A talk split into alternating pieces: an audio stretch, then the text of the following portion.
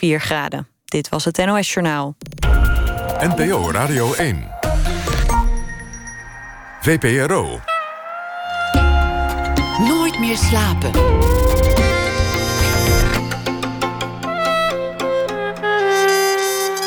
Met Elvie Tromp. Waar houdt verantwoordelijkheid op en begint de schuld? Dat is de centrale vraag in Lief van je, de nieuwe roman van schrijver en antropoloog Roanne van Voorst. Zij is na ene te gast in mijn rubriek Open Kaart. En later op de avond Vivaldi Code Rood. Dat is een muziektheatervoorstelling geïnspireerd op verschillende werken van Vivaldi. Alt-violiste Esther Apituli gaven we in aanloop naar de première de reismicrofoon mee. En na één uur hoort u haar verslag.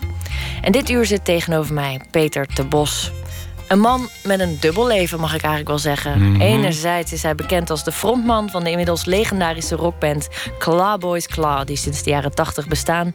En onlangs hun nieuwe plaat It's Not Me, The Horse Is Not Me, Part 1. Part 1, deel 1, Part 1. Part 1. Uitbrachten. En komt uit over een uur of acht. Oké. Dat is mooi, hè? Nou goed, ik, kan, ik mocht een voorproefje, dus voor mij is die al uit. Maar Ah. over een uur of acht, dat wordt groots gevierd? Eh, ik, ik weet het niet. Wij, wij, wij eh, eh, en, en de plaatszaken gaan open om een uur of eh, negen, denk ik. Ah, Oké, maar er komt Tien niet echt een release party. Eh, morgen. Nee, even kijken, want ik ben even in de war. Dat wordt de zaterdag de, en de 24e. In concerto om vier uur in de middag. Met Duidelijk. gebak. Oké. Ja. Nou goed, ik was halverwege mijn, eh, mijn eh, Ja. introductietekst. Eh, want we kennen je dus als de zanger van Clawboys Claws. Maar anderzijds werkt de Bos ook als kunstenaar en graficus met zijn bureau Twister. Hij ontwierp veel boekomslagen, zoals die van Dan Brown en John le Carré. Maar is vooral bekend door zijn iconische werk voor Lowlands, waar hij de huisstijl en merchandise voor bedacht. En dit jaar is Clawboys Claw ook de ambassadeur voor Record Store Day, waar op 21 april exclusief en gratis een single verkrijgbaar zal zijn als 7 inch. Inderdaad. En dat is weer helemaal hip, hè? Singeltjes. Ja, nou ja, al eh, jaren weer. En niet zozeer eh, singeltjes, maar een LP, het vinyl, het, het draaien van, van een plaat. Dus dat je uit je stoel opstaat, het ding aanzet, een kras hoort en dan de naald op, op, op, op het vinyl laat neer, neerdalen. En daar ontstaat dan het geluid. Je klinkt als, Fantastisch. Je klinkt als een purist. Bijna tegen het fetischisme Nou, aan. Ben nou, je, dat of valt eh, ben je Dat- nooit nee, overgestapt op de cd? Nee, nee dat, ik doe er wel heel, heel, heel stoer, stoer. Maar ik, ik vind het leuker als bijvoorbeeld een, eh, een eh, Spotify aanzetten. Of wat dan ook. Er is weinig, weinig fysiek bij. Ja, Ik hou wel van dingen... vasthouden. Ja, Want dat werkt, zo werk je ook als graficus. Echt de, de, de Ja, man van het knap, knip- en plakwerk. Zo ja ik ben, jezelf. ik ben echt, echt de, de koning daarvan. Of, of erin. Ik vind, ik vind het klooien ontzettend eh, belangrijk. Dus met, met scharen, en scheuren en, en plakband en lijm. Om tot iets te komen. Ik Ja, wil het zo eh, hebben over je grafisch werk. Maar laten we het eerst even hebben over die nieuwe plaat. Eh, je laatste kwam uit in eh, 2013. Mhm. Wat, eh, wat zorgde Hammer. er- Hammer. Wat zorgde ervoor dat eh, 2018 eh, het jaar was voor een nieuwe? Dat je dacht, Nou, hij ligt al een tijdje klaar hoor. Hij- hij lag al een, een, een half jaar op te schappen. Maar ja, wat zorgt ervoor? Wat is dan je drijfveer, bedoel je hè, waarschijnlijk? Of, en niet, eh, niet alleen van mij, maar ook van John en de gitarist. De- John Cameron. ja, de man eh, waarmee ik dus de nummers maak. Ehm, en ook de bassist Marcus eh, Bruisens en Jeroen Klein op drums. Dat is...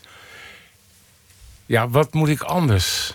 Ik bedoel, wat, wat eh, moet ik anders gewoon thuis, thuis zitten en het, eh, het raam uitkijken en me niks doen en alleen maar een beetje vormgeven? Het, eh, het maken van, mu eh, van muziek is zo'n fan- eh, fantastisch iets om vanuit het niets dus iets te maken. Hè, dus, dus dat, eh, dat John met een, een gitaar dingetje aankomt, eh, een riedeltje. En dat ik ineens... eh, I love you in the morning, morning blue. I love to see you, love to see you, whatever. En daaruit, uit, die brabbeltaal uit dat steen, steenkool-Engels en de melodie die ik dan bedenk, ontstaat dan zo'n zo'n zo'n nummer. Nou, alleen al dat, dat gevoel.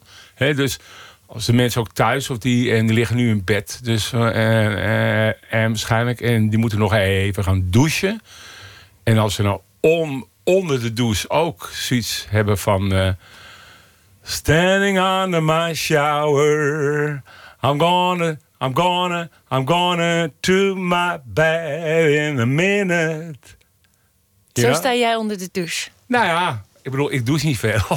maar, maar, nee, maar het, het, geeft een heel goed, het geeft een heel goed gevoel om dingen van je af te zingen. Het klinkt, uh, het klinkt weinig verheven, heel aards eigenlijk. Ja, dat is de band ook. En de, en de band is ook weinig verheven, weinig uh, pretentieus en, en, en heel, heel aards, heel or, organisch. En zo komen die nummers dus ook tot stand. Ja, ja, want hoe die samenwerking tussen jou en uh, John Cameron, de gitarist, die zijn echt uh, eigenlijk die zorgen voor de sound van de band. Hoe, hoe gaat die samenwerking? Uh, Blind. Want jullie kennen elkaar vanaf het begin al, hè? vanaf ja, 1983. Ja, ja. ja, blind. Als John, als John een akkoord aanslaat of wat dan ook, dan weet ik wat ik moet doen. Of als ik wat zing, dan weet hij wat hij moet doen. En het betekent niet dat je s ochtends begint met, met uh, muziek maken en dat het al om een uur of vijf klaar is. Uh, uh, verder van dat. Maar en we voelen elkaar goed aan. Dus er is heel weinig discussie tussen van nou, moet je niet zus of moet je niet zo. Of, nou, dat, dus dat scheelt enorm veel tijd. Is er dan niet het risico dat je altijd maar hetzelfde nummer maakt? Nou, als je nu die plaat hoort, hoor, hoor jij dan steeds hetzelfde nummer? Nee, ik hoor. Nee, hoe, hoe zou dat komen dan, denk je? ja, ja dat, dat weet ik niet. Dat moet je mij vertellen. Nou, dat Stel je jezelf van tevoren zeg maar, een uitdieping of een, een, een doelstelling vast. Van oké, ik wil nu dit. Zeg maar, als een band zo lang bestaat, decennia, mm -hmm. uh, dan gaan ze altijd door, nou, meestal fases. Of ze gaan. Uh, ja een Afrikaanse periode of een spirituele periode. Een Afrikaanse periode. ja, dat, komen er ineens dat doet het alleen maar bij. bluff, geloof ik. Wat een flauwekul is dat. Uh, Simon Garfunkel toch ook? Die heeft zo'n ja, Afrikaanse flauwekul. Of ze gaan solo. Maar jullie blijven toch wel steady um, Ja, nou, we, we, we En ook steady bij hetzelfde sound. Ja. Of ja. zeg je nee, deze plaat breekt radicaal met zijn voorganger? Nee, het is, het is wel, het is wel een, uh, een, een uh, verlengde het is wel, uh, voor ons is het wel nieuw. Er staan hier nu nieuwe dingen op die, die, en die we nog nooit gedaan hebben. En dus ook qua uh, de manier van zingen is, is, is dat zo. En dat kan je horen, dat, dat er meer gezongen wordt. En, en, wat, uh, wat is er anders aan zang dan? Nou, het is melodieuzer. Het is... Want hoe, hoe, hoe daag jij jezelf als zanger nog uit? Als je al zo'n carrière achter de rug hebt. Er is, ja, ga je dan opera, opera zanglessen nemen? Wat? Opera zanglessen? Of, uh... Oh ja, dat zou ik ook ontzettend graag willen. Oh ja, vind een goed koor zingen of wat dan ook. Ja, nee, dit zijn zat. Uh... En je hebt in je jeugd toch in een koor gezeten? Ja, ook. Maar ja, mijn jeugd, dat is al zo lang geleden. Mijn jeugd, ik denk nooit meer aan mijn jeugd, maar ja, nee, dat is een tijd geleden. Maar het, is, het, is de, de, het, het heeft ook heel. heel het, het, maken van een nieuwe plaat heeft ontzettend veel te maken met een mentaliteit. Uh, de mentaliteit van, nou ja, we hebben, uh, we, we hebben dit van Hammer, of van, van uh, dus een jaar of vier geleden, dat is al een keer gedaan. Dus waarom zou je nou Hammer nummer twee maken? de plaat die nu dus uit is, it, it, It's Not Me, The Horse Is Not Me, Part 1 betekent waarschijnlijk ook dat er een part 2 komt. Maar ik denk dat die part 2 er heel anders uit gaat zien als part, part 1. Ik bedoel, het is niet een logisch. Het zal nooit een logisch vervolg zijn op hetgeen wat we nu gemaakt hebben. Je zegt uh, de zang is melodieuzer uh, op dit album dan je mm -hmm. tot nu toe hebt gezongen. Ja. Um, en je, je zei ook, we, we doen andere dingen die we nog nooit hebben gedaan. Nou, dus- muzikaal gezien. Ja, nou, er staat bijvoorbeeld in, in één nummer Red, Red, Red Letter. Ehm, dat nummer bestaat in principe uit een solo. Eén, één solo van John. Nou, dat hebben we nog, nog nooit eh, gedaan. Dus nu heeft John zijn, zijn solo-nummer. Begrijp je? Eindelijk, ja. ja. Eindelijk, na al die jaren. ja. We kunnen natuurlijk uh, eindeloos praten over de totstandkoming van het nieuwe album... maar we kunnen er ook even naar luisteren. En dit is de eerste single, Polly Magoo.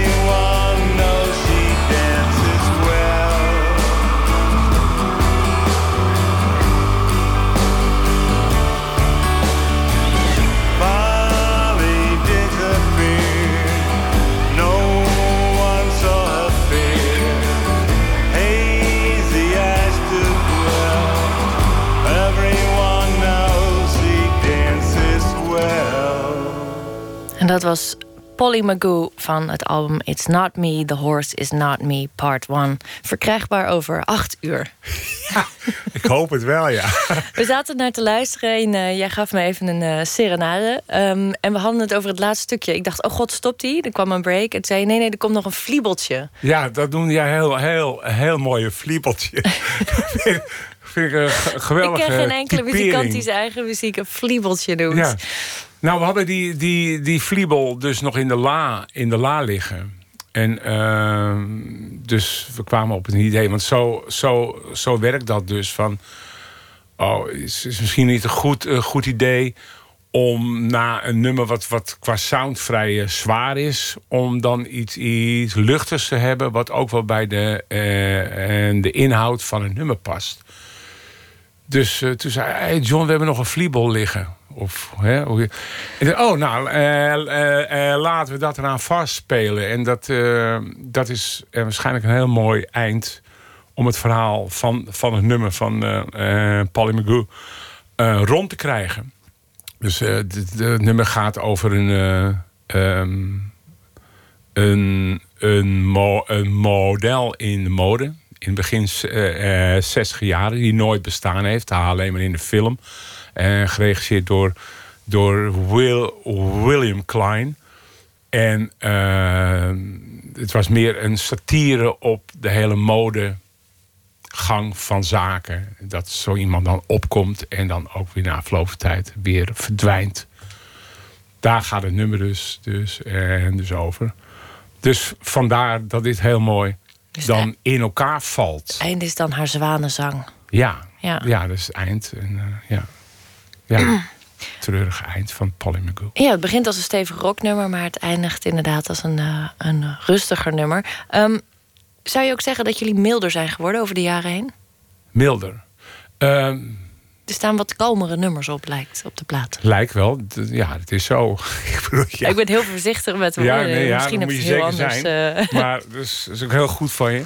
Maar eh, ja, het is, ja, maar ja, milder. Ik denk, denk dat we meer sluip, moordenaars zijn geworden in plaats van moordenaars. Begrijp je wat ik bedoel? het, zit, het is meer, het zit meer onderhuids. En eh, ja, ik ben er blij mee dat, dat, dat, dat, dat, dat zo'n band toch een bepaalde kant op groeit. Sluipmoordenaar eh, klinkt niet per se milder. Nee, Maar is- zou je jezelf, eh, ben je dan zelf ook meer sluipmoordenaar geworden dan. Ja, ik denk het wel. Het is, het is, eh, het is, het is veel, veel eh, verdekter nu. Het is meer all onder de huid dan, dan, dan, dan dat het was eh, voorheen. In plaats van, van brullen, dat je ook op een andere manier een sfeer neer kunt zetten. En dat geldt, dat geldt ook voor de drums, dat geldt ook voor bas en gitaar. maar ook voor jou als persoon, denk ik. Je stond namelijk wel bekend als moeilijk te interviewen. Wie zegt dat? Ehm, Wie, ja. wie heeft je dat nou? Elfie, Er is een anekdote weer met bitterballen. Er is een anekdote met bitterballen. Ja, er zijn die bitterballen. En ik heb... Ik, ik, ik, ja, natu- je staat tuurlijk. bekend als iemand die wegloopt, die stankt, die eh, Ja. niet per se mee wil doen aan Ja. eh, popshows. Maar het is nu eh. nog te vroeg om weg te, weg, weg te lopen. Maar ja, ja, nou ja, ik hou ook nog wel steeds van stangen en pesten. Ik bedoel, dat gebeurt ook nog wel steeds eh, als ze live optreden. Dan, dan, eh, maar om nou bitterballen in, in de nek van een producer van de VPRO nog weer uit te gaan drukken. Nee, dat, dat, dat, dat, dat doe ik niet meer. Nee. Wat is er veranderd? Hoe bedoel je? Nou ja, eh, kwam er een inzicht of ben je milder geworden als persoon? Geen, geen eh, bitterballen meer in, eh, meer in de buurt. Ah ja. Ik bedoel, dat, dat is, kijk, als, als, als jullie straks dus binnen en komen met eh frikandelletjes, nou dan moet jij eens even opletten. Ja, kom op ik heb zeg. bijna zin om te gaan bestellen nu. Ja, nou doen er maar twee. En voor mij een beetje met, eh, met currysaus, alsjeblieft, en uitjes. Ehm, je wordt ook wel de Nederlandse Iggy Pop genoemd. Maar de lage stem doet mij eerder denken aan een Nick Cave. Maar wat vind je daar zelf van, van zo'n be- benoeming? Dat soort vergelijkingen. Ja, eh, ik heb er altijd een beetje problemen mee. Ja? Nou, omdat ik vind, en dat zal jij eh, waarschijnlijk ook, ook, ook, ook wel hebben met de dingen die jij doet. Dat, dat, dat, die doe je naar heel eh, eigen, eigen inzicht. Naar eigen karakter. Naar eigen mentaliteit, et cetera, et cetera. Dus het is een heel raar als je iets doet wat vanuit jezelf komt. En dan is er zo'n snugge lul of een snugge kut. Die, en die zegt van... Oh, dat is Nick Kevig. Ja, krijg nou de kleren. Nee, het is, het is de bos. Heb je ooit overwogen om in het Nederlands te zingen? Je hebt wel een, uh, ja, een, uh, ja, een ik heb- coveralbum met uh, nederpop beats of nederpop liedjes ge, ge, uitgebracht. Ja, de, en de Hitkillers. Een waanzinnige versie ook van Dracula. Een van ja, die komt binnenkort weer uit. Die, die Dat plaat. meen je? Ja, vinyl, op vinyl. Weer een hele nieuwe, nieuwe versie. Oh, te gek. Maar ik heb, nou, ik heb eens een keer, dat is wel grappig dat je nu vraagt. Want ik heb eens een keer een nummer van Henk, Henk Westbroek gedaan. Nou, daar kom ik niet meer weg. Ik kom daar gewoon niet met, met en de Hollandse taal. Ik vind het ontzettend knap hoor, van, van, van Armand, die, uh, die ons is ontvallen. En, en bandjes als de Kick, et cetera, et cetera. Bless you. En, uh, maar ik, ik krijg het niet uit. Ik krijg het niet uit mijn strots. Wat is het dan? Is het dan te hard of te schril? Het is, het, is, ik, ik krijg er geen. Uh, ik, krijg, ik kan er geen organisch geheel van, van draaien. En dat, dat, dat heeft ook te maken op de manier waarop wij nummers maken. Hè. Als, als, als John er niet speelt en ik zing, zing, zing erop, dan, dan gebeurt het in een soort van steenkool Engels. Dat is op klank. En op die klank maak ik dus ook mijn, mijn teksten.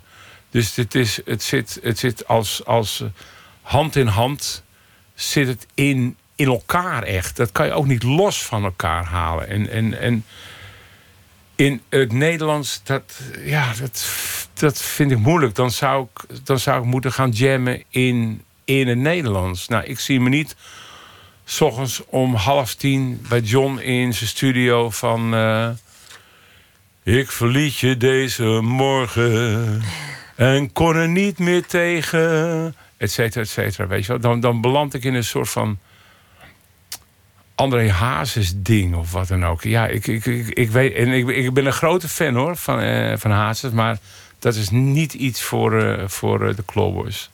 Maar misschien, luisteraars, als jullie nog te zijn, allemaal, misschien wel later of een paar jaar, maar nu nog niet. Nee. Zijn er eigenlijk Nederlandse zangers of uh, muzikanten, artiesten die je bewondert? Nou, bewonderen is een groot ding. Maar ik, ik vind wel. Nou, ik vind wel een man als, als uh, Frank, Frank Boeien. Daar heb ik geen ene plaat van in, in de kast staan. Maar die doet wel heel erg zijn eigen ding. En dat vind ik heel belangrijk. Dat, dat, dat, ik hoef het zelf niet mooi te vinden. Ik mag het pathetisch vinden. Of ik mag dit. Maar ik vind hij, hij, hij heeft wel een, een, manier gevonden waarin hij zichzelf heel goed kan uiten. En op zich is dat heel knap al, vind ik. Veruit het bekendste nummer van Clawboys Claw is Rosie uit 92, waarmee jullie de top 40 haalden. En als ik me niet vergis, zelfs de top 2000. Um, en ik wil graag even dat nummer draaien. Rosie. Hé, hey, dat is voor jou. Dank je.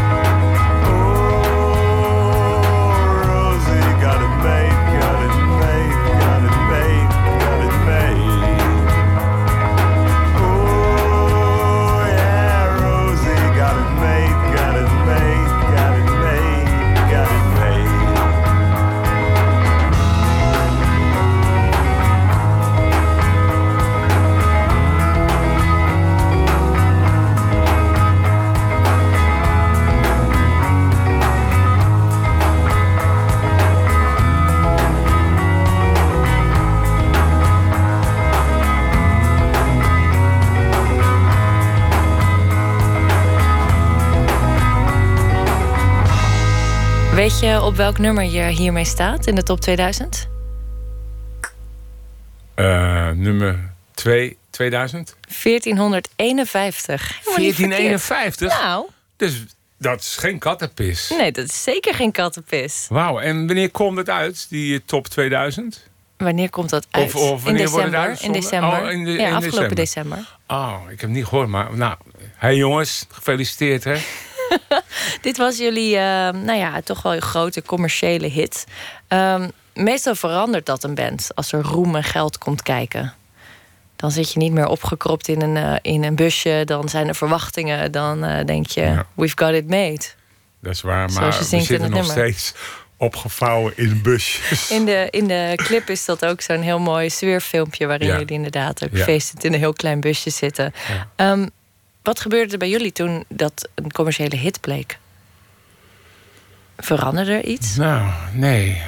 Nee, ik denk weinig. Ik, ik, nee, ik, ik, ik kan daar geen sappig verhaal over... eh, Niet meer drank, niet meer niet meer niet vrouwen, meer of, vrouwen. of vriendinnetjes of eh, drank. Misschien een flesje Jack meer, maar dat, dat, dat is dan alles. Nee, nee, ik, ik kan me niet voor de geest halen dat we... Ik weet wel dat we in de tijd geloof ik voor Countdown gevraagd werden of wat dan ook. Weet je, wel, zo'n soort, soort popprogramma's. en dat we de, en de regisseur van dat programma al na een minuut of vijf aan, aan, aan het huilen kregen. Of, of was het niet met Rosie? Was het Zie je, met- dit zijn de anekdotes waar ik me op baseer. Dat, is, dat, was zo grappig. Die man die... Oh, wil je nou alsjeblieft doen wat ik zeg? Want wat deed je? Nou ja, kijk, dan gaat zo'n zo'n zo'n eh, programma maken die gaat zeggen van... Oké, dan gaan we bij die stroven, gaan we links staan. En dan ga je in het midden staan. En dan doe je net alsof je een beetje in het pu eh, publiek springt. En dan, eh, John, ga jij dan, dan daar staan in licht? Nou ja, totaal, totaal niet natuurlijk. Hè. Was één grote chaos. Nou, dat is leuk dan om, eh, om personen die, eh, die vinden dat rock'n'roll in een, een, een hokje geplaatst moet worden. Om, die, ja, om dat gewoon dan maar niet, eh, niet te doen. Ja, je hebt, je dat is hebt leuk. Ik zou, het, ik zou het nog steeds doen. Ik, ik, ik vind het flauwekul. Je hebt de muziekindustrie nu, nou ja, decennia meegemaakt. Ja. Hoe heb je het zien veranderen? Ehm, ja, toch, toch eh, spectaculair natuurlijk. Van, van, van, van eh, dalende cd-verkopen. De opkomst een beetje van het vinyl. Maar dat, dat, dat, dat, dat is natuurlijk Marginaal. weinig te- ja, ma- ma- ma- marginaal iets. Dan dat hele Spotify-gedoe. Waar, en waarvan men zegt van ja, dat is goed voor en, en de muzikant. Want nu kan zijn muziek ook, ook beluisterd worden over de hele wereld. Nou, dat is misschien wel zo, maar we verdienen daar helemaal, helemaal niks mee. En, en dus ehm, de tours, die worden althans in dit land korter. Eh, omdat de loop uit het, het, eh, uit het clubcircuit er ook totaal uit is. Dus komen minder mensen naar concerten. Nou, er komen bij ons nog, nog, eh, nog genoeg mensen. Maar eh, mensen maken ook een andere keuze. En, en, en die zeggen ook, we kunnen ook naar eh, en de Ziggo Dome gaan. En dat doen we dan één keer per jaar. En dan nemen we de, en de kinderen mee. En dat is leuk dan een uitje of wat dan ook. Dus, dus, dus de loop naar het, het buurtcentrum of de kleinere zalen... dus, dus zeg maar onder dus, eh, duizend mensen dat, eh, ja, en, en daar raakt de loop uit. Is er eigenlijk nog wel plek voor rock roll in deze tijd? Nou, dat is een goede vraag. Ik denk, als je, als je goede maakt wel. En ik denk ook dat het een, een eh, op, op, op en neergaande eh, beweging is. Dat, ik denk dat over een jaar of drie of vier... eh gitaarbands weer enorm in zijn... omdat men of de hip, hip-hop of, of, of wat dan ook... of de singer-songwriter met lucht, luchtliedjes dat ze dat ook wel gehad hebben. En eh, dan komt het weer terug bij meer het, eh, het, het hardere mu eh, muziek maken. Ik bedoel, wij, eh, we treden ach, 28 april op in, in, in Paradiso. En is zwart uitverkocht. Dus ik bedoel, qua, qua, qua, qua kaartverkoop ga- gaat, gaat het best goed. Alleen, eh, we zullen niet een, een, een Zigo of een Avast live uit te verkopen. Nee, dat, dat, eh, daar zijn we ook niet voor. Maar zijn dat, ja, ik kan me ook niet voorstellen dat dat echt doelen zijn die jij eh, Nee, voor je hebt. verre van. Verre van. Nee. Zijn Verre er, van. zijn- heb- Anders dan hadden we al lang gestaan daar. ja, wat, wat, wat je wilt dat gebeurt? Nou, dan, de, de- en dan kan je daaraan werken. Toch? Dan moet je alleen meer, meer eh, ehm, eh, eh, eh, eh, ro- rosies gaan, gaan maken. Zo lastig is dat niet. Was dat een bewuste keus dat je dacht: oké, ik, ga, ik ga niet zwichten onder die druk voor een commerciële hit? Nee, het heeft, het Lijkt me toch heel aantrekkelijk. Ja, nee, maar het, het heeft meer te maken. Dat is ook, ook de reden en waarom we nog bestaan. Het heeft meer te maken met het feit dat je, dat je wilt doen wat je echt wilt doen. Ja, het is een beetje vaag, maar.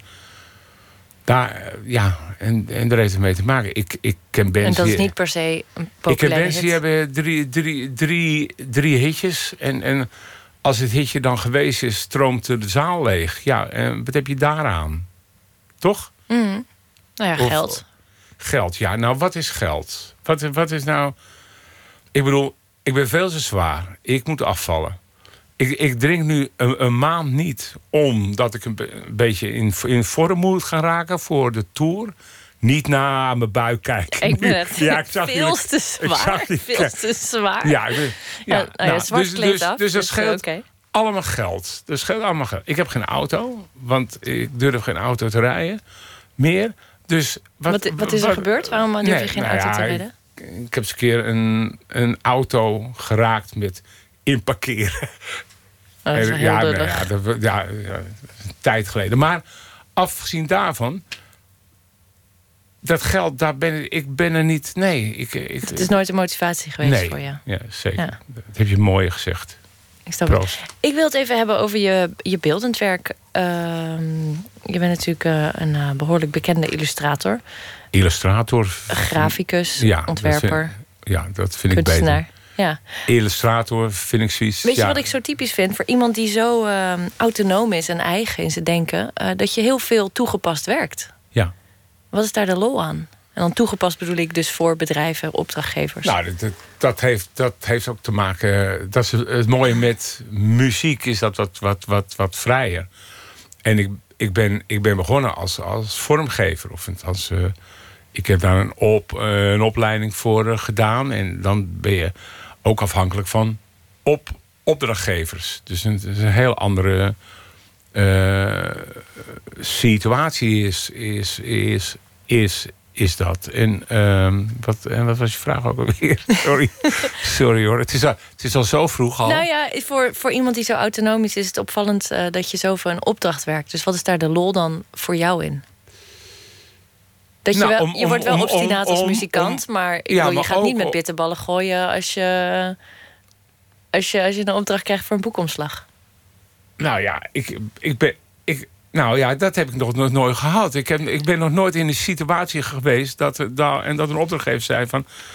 Kun jij een, een boekopslag maken en dan krijg je meteen wat ballen erbij... en die kan je dan in, in mijn nek gooien. Dus dat heb ik nog nooit gehad. Maar het, het is wel eh, fascinerend om... ehm, ook daar, daar binnen die en die, die, die en discipline te werken. Van dat, een, dat een opdrachtgever opdrachtgever zegt van...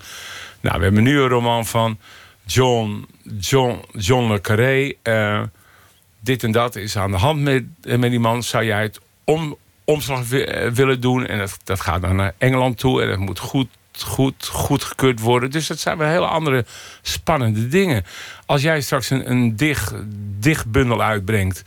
en je belt mij op van... eh, Peter, zou, jij dat, eh, dat omslag kunnen maken? Maar ik heb wel een paar wensen. Ik heb wel een paar wensen... eh, Want het, gaat, het krijgt geen titel mee. Het, wordt een soort van geluid. Heb, heb jij daar een idee bij? Nou, dan, dan is dat natuurlijk ook al een soort van, van, van ehm, op, opdracht waar, waar, waar ik me binnen zal moeten houden. En daar heb ik totaal geen probleem mee. Het is een heel ander aspect als het vrijere werk. Maar hey, kom op, leuk. Ook eh, werk je af en toe onder, onder eh, pseudoniemen, zoals eh, Pierre Dubieu. Pierre Dubieu, ja. Wanneer kwam die de, om die, kijken? kwa- ja, nee, die, die kwam ervoor. Ik heb jaren gewerkt voor een uit, uitgeverij. En ik vertel niet, welke, eh, niet, niet welke, maar. Dat gedonder met boekomslagen, waar, waar, waar wat mensen daarvan vinden. En eh, af en toe dat gezeik eromheen. En eh, ja, maar ja, Peter, je gebruikt hier eh, een beeld van een tunnel. En ik, ik vind tunnels niet, eh, niet zo leuk. Ik zeg, what the fuck? Dat boek heet Tunnel. Weet je wel, wat moet ik nou... wat Moet, eh, moet ik er dan een poes op zetten of wat dan ook? Is, is dat dan wat je, eh, wat je wil? Of dat soort discussies over de kleur. Nou ja, dat geel, dat vinden we niet mooi. Of ze, ze, ze hebben ook een regel van groen. Hè? Groen, dat verkoopt niet. Nou, en ik zeg groen. Ik vind, ik vind groen ontzettend mooi. Laat, laat het groen doen. Nou, en dan soms dan loopt het wel eens uit de hand. En dan kost dat zo enorm veel tijd. En dan zeg je van, nou, oké, oké, we, doen, we, we doen jouw kleur. Of we doen niet die tunnel, we doen jouw poes erop. En eh, dan denk ik van, ja, dit is zo uit de hand gelopen. Dit is zo'n grote compromis geworden. Het wordt tijd dat ik eh, Pierre, Pierre Dubieu eh, dus ga gebruiken. En daar en waren ze nooit, eh, no, eh, no, eh, nooit zo blij mee. Maar wel ontzettend leuk om te doen. Dat je toch nog een beetje je gram kan en kan halen. En ik had er meer. Hè. Ik had ook een Pierke van Struikgewas. Piet de Boskins. Ja, Pieter Boskins is nog wel een vrij serieuze. Die heb ik, dat heb ik heel veel gebruikt voor, voor onze platenhoesen. En begin ook voor, eh, voor Lowlands. Ja. Ja, want daar kreeg je wel de vrije hand bij Lowlands. Ja, die heb ik gewoon gepakt ook. Omdat dat was in het begin, had, had opdrachtgever niet, niet zo goed door. eh, dat, er, dat er ook vorm aan, aan, aan, eh, aan, aan toegepast zou, zou kunnen worden op een festival. Dus naast een logo, dat er ook meer een soort van eh, corporate identity, een soort van house-stijl zou, zou kunnen wo- eh, worden ontworpen. Goh, ben je chic zeg. Ik heb echt met je te doen. Nee, Ja, nee, niet door, nee, maar ik heb- neem ik- ik anders heb een borreltje. Ik moet het even uitleggen, want ik zit heel netjes op de kuchknop te drukken. Die heb ik hier. Want ik heb een, eh, een kriebelhoest en eh, daardoor ben ik dan off-air. Dus niemand hoort mij hoesten behalve jij. Oh, dat is aan de hand. dus je verraadt me nu. sorry. maar, dus, dus, dus, dus dat is Was je er vanaf het begin al bij, vanaf jaar 1? vanaf, jaar, vanaf jaar twee. Jaar 2. En die corporate identity, een voorbeeld is daar de, de eh, schoorstenen. Bij de entree bijvoorbeeld. Oh. Meters hoge voorscha- schoorstenen, een soort iconisch beeld. Dat je daar binnenkomt in bijna een soort muziekfabriek eigenlijk. Ja, Dat heb jij bedacht. ja, Ja, ja. dat is een onderdeel daarvan. Dat, dat is redelijk revolutionair. Dat werd voor die tijd eigenlijk niet gedaan. Bij festivals, er was een podium, er was een poster... en daar hield het wel een beetje bij op. Maar Ja. je hebt dat helemaal doorgevuurd tot aan de muntjes aan toe. Met de muntjes, de bandjes, de, de, de, de, de shirts, de, de... Het werd gewoon een hele wereld eigenlijk die je hebt bedacht. Met figuurtjes ja, ook ja. die dan terugkwamen. Ja, Ja, de Razer, Oh, eh, ja Bob en, Razor en de. Razor Bob. Ja, Vond ik ontzettend belangrijk dat er... is het mannetje wat dat op de er een link, staat. ja, een link was of zou, zou komen tussen, tussen het festival naar het publiek toe. Dus dat het publiek dat ook als zodanig herkende. Ja, Nou, nu klinkt het net alsof ik dat dan echt heel bewust heb bedacht. Dat is, dat is natuurlijk van, van, van, eh, van het begin van uit, uit 96 is dat zo, zo opgestart. En eh, ja, een geweldige tijd, tijd, tijd gehad. En ehm, ik, ik heb ook heel veel dingen kunnen doen. En heel veel, veel goede, eh maffe dingen. En dat, dat heeft ook heel erg veel te maken met eh, eh, de opdrachtgever. Die mij daar ook, ook vrij in liet. ja. Die ook zoiets had van, nou, ga maar. Hebben jullie eigenlijk met de band daar eh, gespeeld? Een paar keer, ja. Ja. ja. in 92 en in 2006, geloof ik. Zoiets. Ik Was het eigenlijk jouw eh, keuze om te stoppen met Lowlands? Eh, nee. Nee, nee ik, ik had nog op zijn minst een jaar of twee of drie door wi- eh, willen gaan. Maar ehm, men, men vond dat het nu tijd was voor totaal iets anders, totaal iets nieuws. Dus ja, en er heeft een opdrachtgever recht, recht, recht toe om dat, eh, om dat zo te vinden. En om er ook naar te handelen. Dus dat is gebeurd. En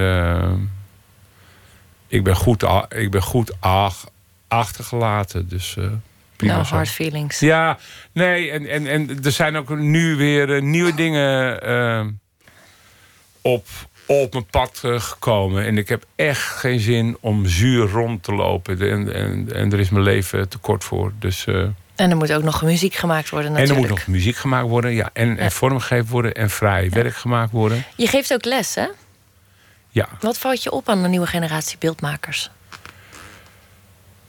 Eh, nou, niet, niet allemaal, maar wat, wat me wel heel, heel erg opvalt bij studenten in, in, in binnen- en buitenland, is wel dat, dat, dat computer echt heilig is. Computer is echt, echt, ontzettend heilig. Is er dan nog wel plek voor dat eh, knip- en plakwerk voor jou? Juist nu.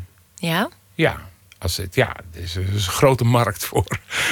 Nee, maar dit is. ehm, als je dan met eh, eh, studenten een dag of drie of vier werkt. en je verbiedt ze om op, op de laptop te werken. of, of op de computer of, of wat dan ook. En, en, je, en je laat ze aan de gang gaan dat ze, dat ze met schetsen, met ideeën moeten komen. dan komen ze na, na, na verloop van tijd daar en daar ook mee. En dan zijn ze heel erg blij. Ja, dat klinkt een beetje als, als een EEO-praatje. Maar dan zijn ze heel erg blij dat ze, dat ze mm, gaan knippen en plakken. En, en, en, en dat ze op, eh, op dingen komen die, die ze niet voorzien hadden. Omdat de manier van, van het ontwerpen met je handen is, is, is zoveel korter, dat lijntje, als dat je dat doet via, via een el- elektrisch apparaat waar iedereen dus dezelfde tools gebruikt. Je hebt ook een broertje dood aan, ehm, aan concepten. toch? Ja, dat vind ik Conceptdenken. vind ik, dat vind ik de hel. Dat is de hel van, eh, van deze tijd. Dus dat je eerst bedenkt, oké, het moet in zo'n stijl of Ja, ik wil je, dit je niet ga- nou ja, dat je eerst bedenkt van... ik ga achter de tafel zitten. Ik kijk niet meer om me heen. En ik ga nu een plan bedenken. Dat is dus het, het, het conceptdenken. En ik geloof er niet in, omdat ik geloof dat het zo niet werkt. Ik denk dat er met heel veel plannen in de, in de architectuur, in, in de kunst, in de, eh, in de vormgeving, et cetera, et cetera. Dat eh, men eerst gewoon lekker aan het klooien is en wat doet. En dan dat verhaal, het conceptuele verhaal. Hè, zoals het ook met een eh Polly McGoo dus gaat. Dat je, je, eerst, eerst is daar het, het, ruige nummer. En dat verzandt dan in een soort van beladenachtig iets dat is niet van tevoren bedacht. Dat is door, door middel van klooien komt dat bij, bij, en bij elkaar. En dan kunnen we zeggen, het concept van het nummer was dit en dat en dat. Maar Ik wil nog een eh, voorbeeld van dat klooien draaien. Eh, een nummer van het nieuwe album, It's Not Me, The Horse Is Not Me, Part 1... wil ik het nummer Waiting for the Sun laten horen. Had je gelijk. hebt.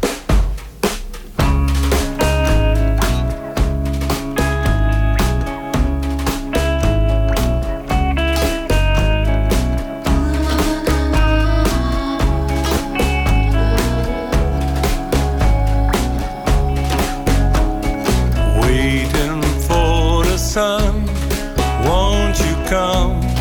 Won't you come? I'm waiting sun. When the day is done,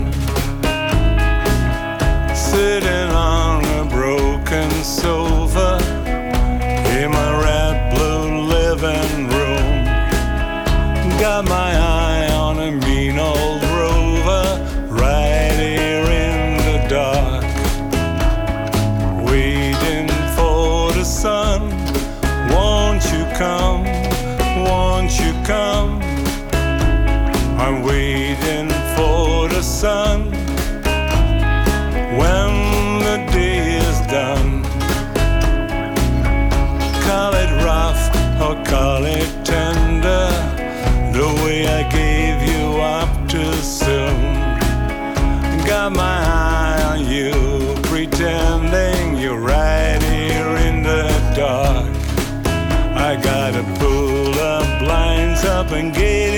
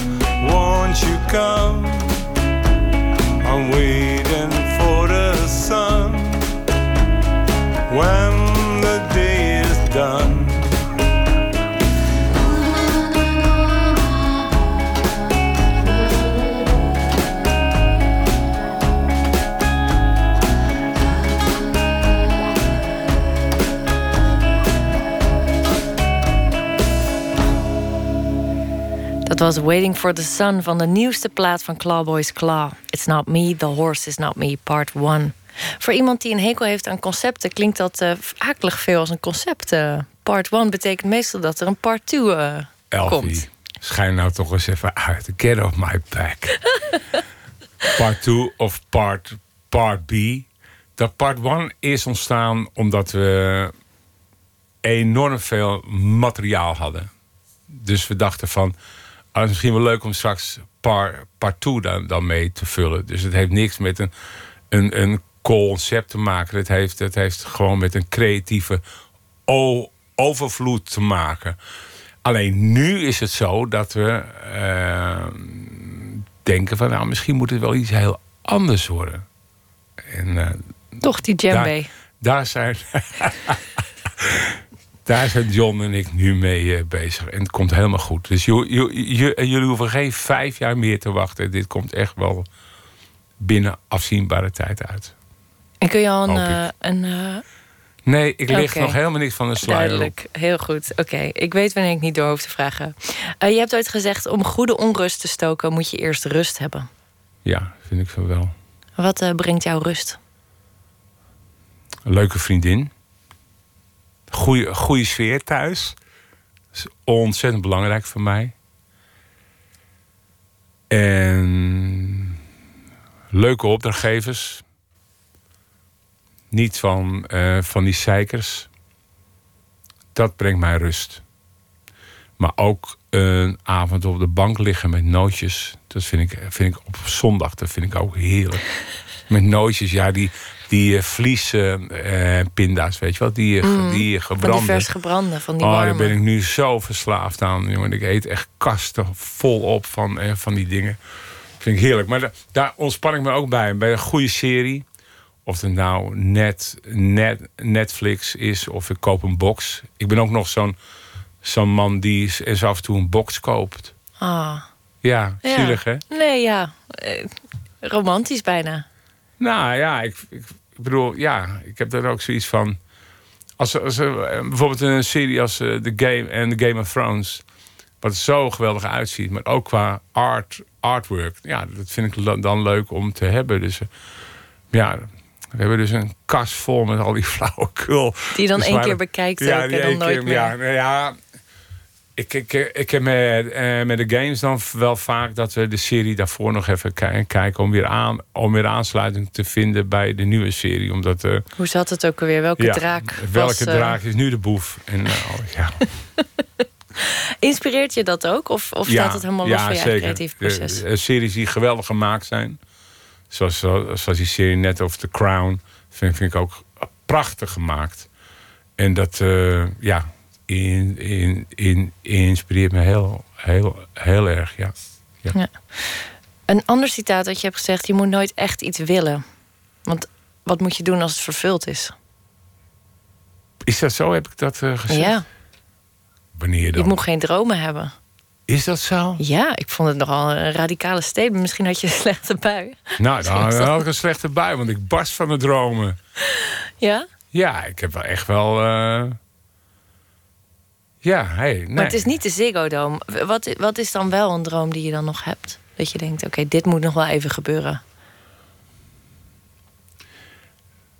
Nou, ik, ik, zou, ik zou wel ehm,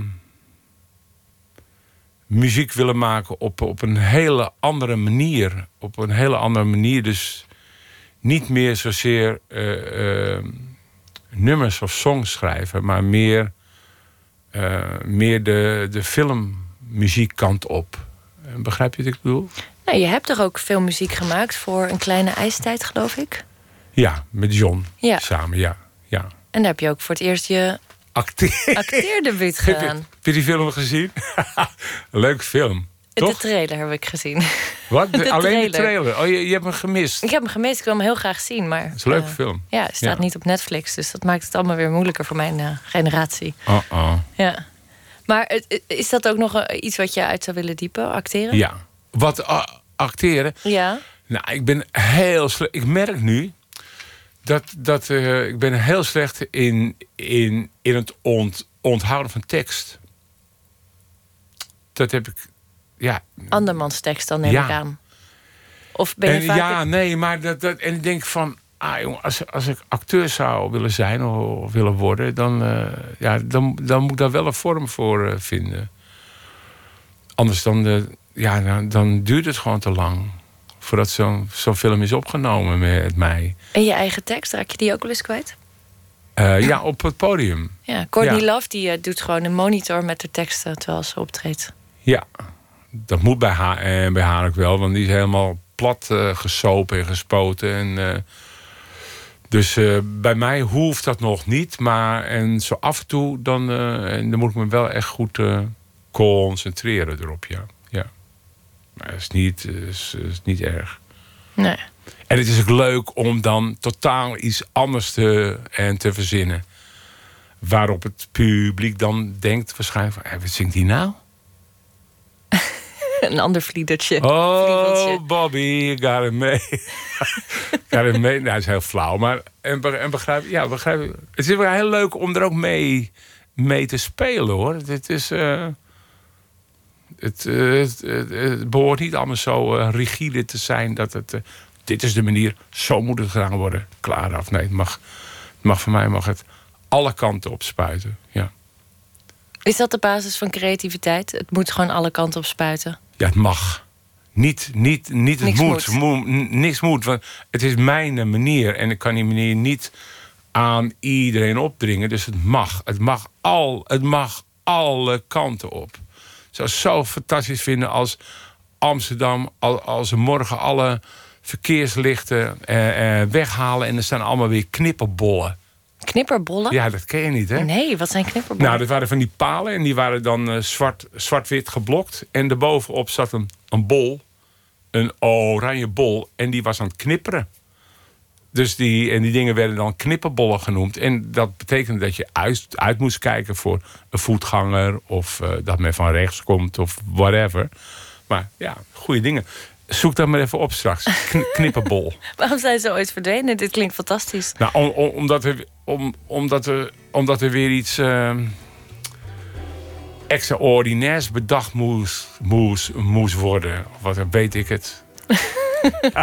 Nou ja, dingen hebben een eh, manier om een comeback te maken. Eh, oude dingen komen ook weer in de mode. Zoals bijvoorbeeld die 7-inch die eh, we gratis gaan krijgen op World... of Record Day. Store Day. Record Store Day in april. 21 april en de eerste 5000 kopers, die krijgen hem gratis. En dan is, hij ook, dan is het ook weg. Dus, op, hè? Dat is de enige oplage. Dat is heel ja, dus ik zou er maar bij zijn. Ja, dat lijkt me ook. En anders, over zeven uur ligt jullie nieuwe plaat in de winkels. Ja, en waarschijnlijk is hij nu al te downloaden. Zie je, die moderne tijd heeft ook goede voor, uh, Tuurlijk. voordelen. Tuurlijk. Peter, dankjewel voor het komen naar de studio. Hartstikke graag gedaan.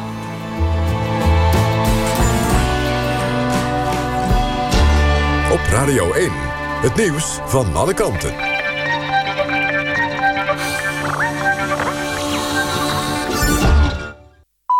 1 uur, Lot Lewin met het NOS-journaal. Er komt een onderzoek naar seksuele intimidatie in de Tweede Kamer en op de ministeries. Een plan daarvoor van D66 krijgt steun van een meerderheid in de Kamer. Na de zomer moet het onderzoek beginnen. Alle medewerkers wordt dan gevraagd of ze wel eens last hebben gehad van seksuele intimidatie op de werkvloer. Tijdens een debat over de kwestie zei het kabinet binnenkort met een plan van aanpak te komen om ook de aangiftebereidheid van slachtoffers te vergroten. Bij rellen tussen supporters van de Spaanse voetbalclub Athletic Bilbao en het Russische Spartak Moskou is een agent gestorven.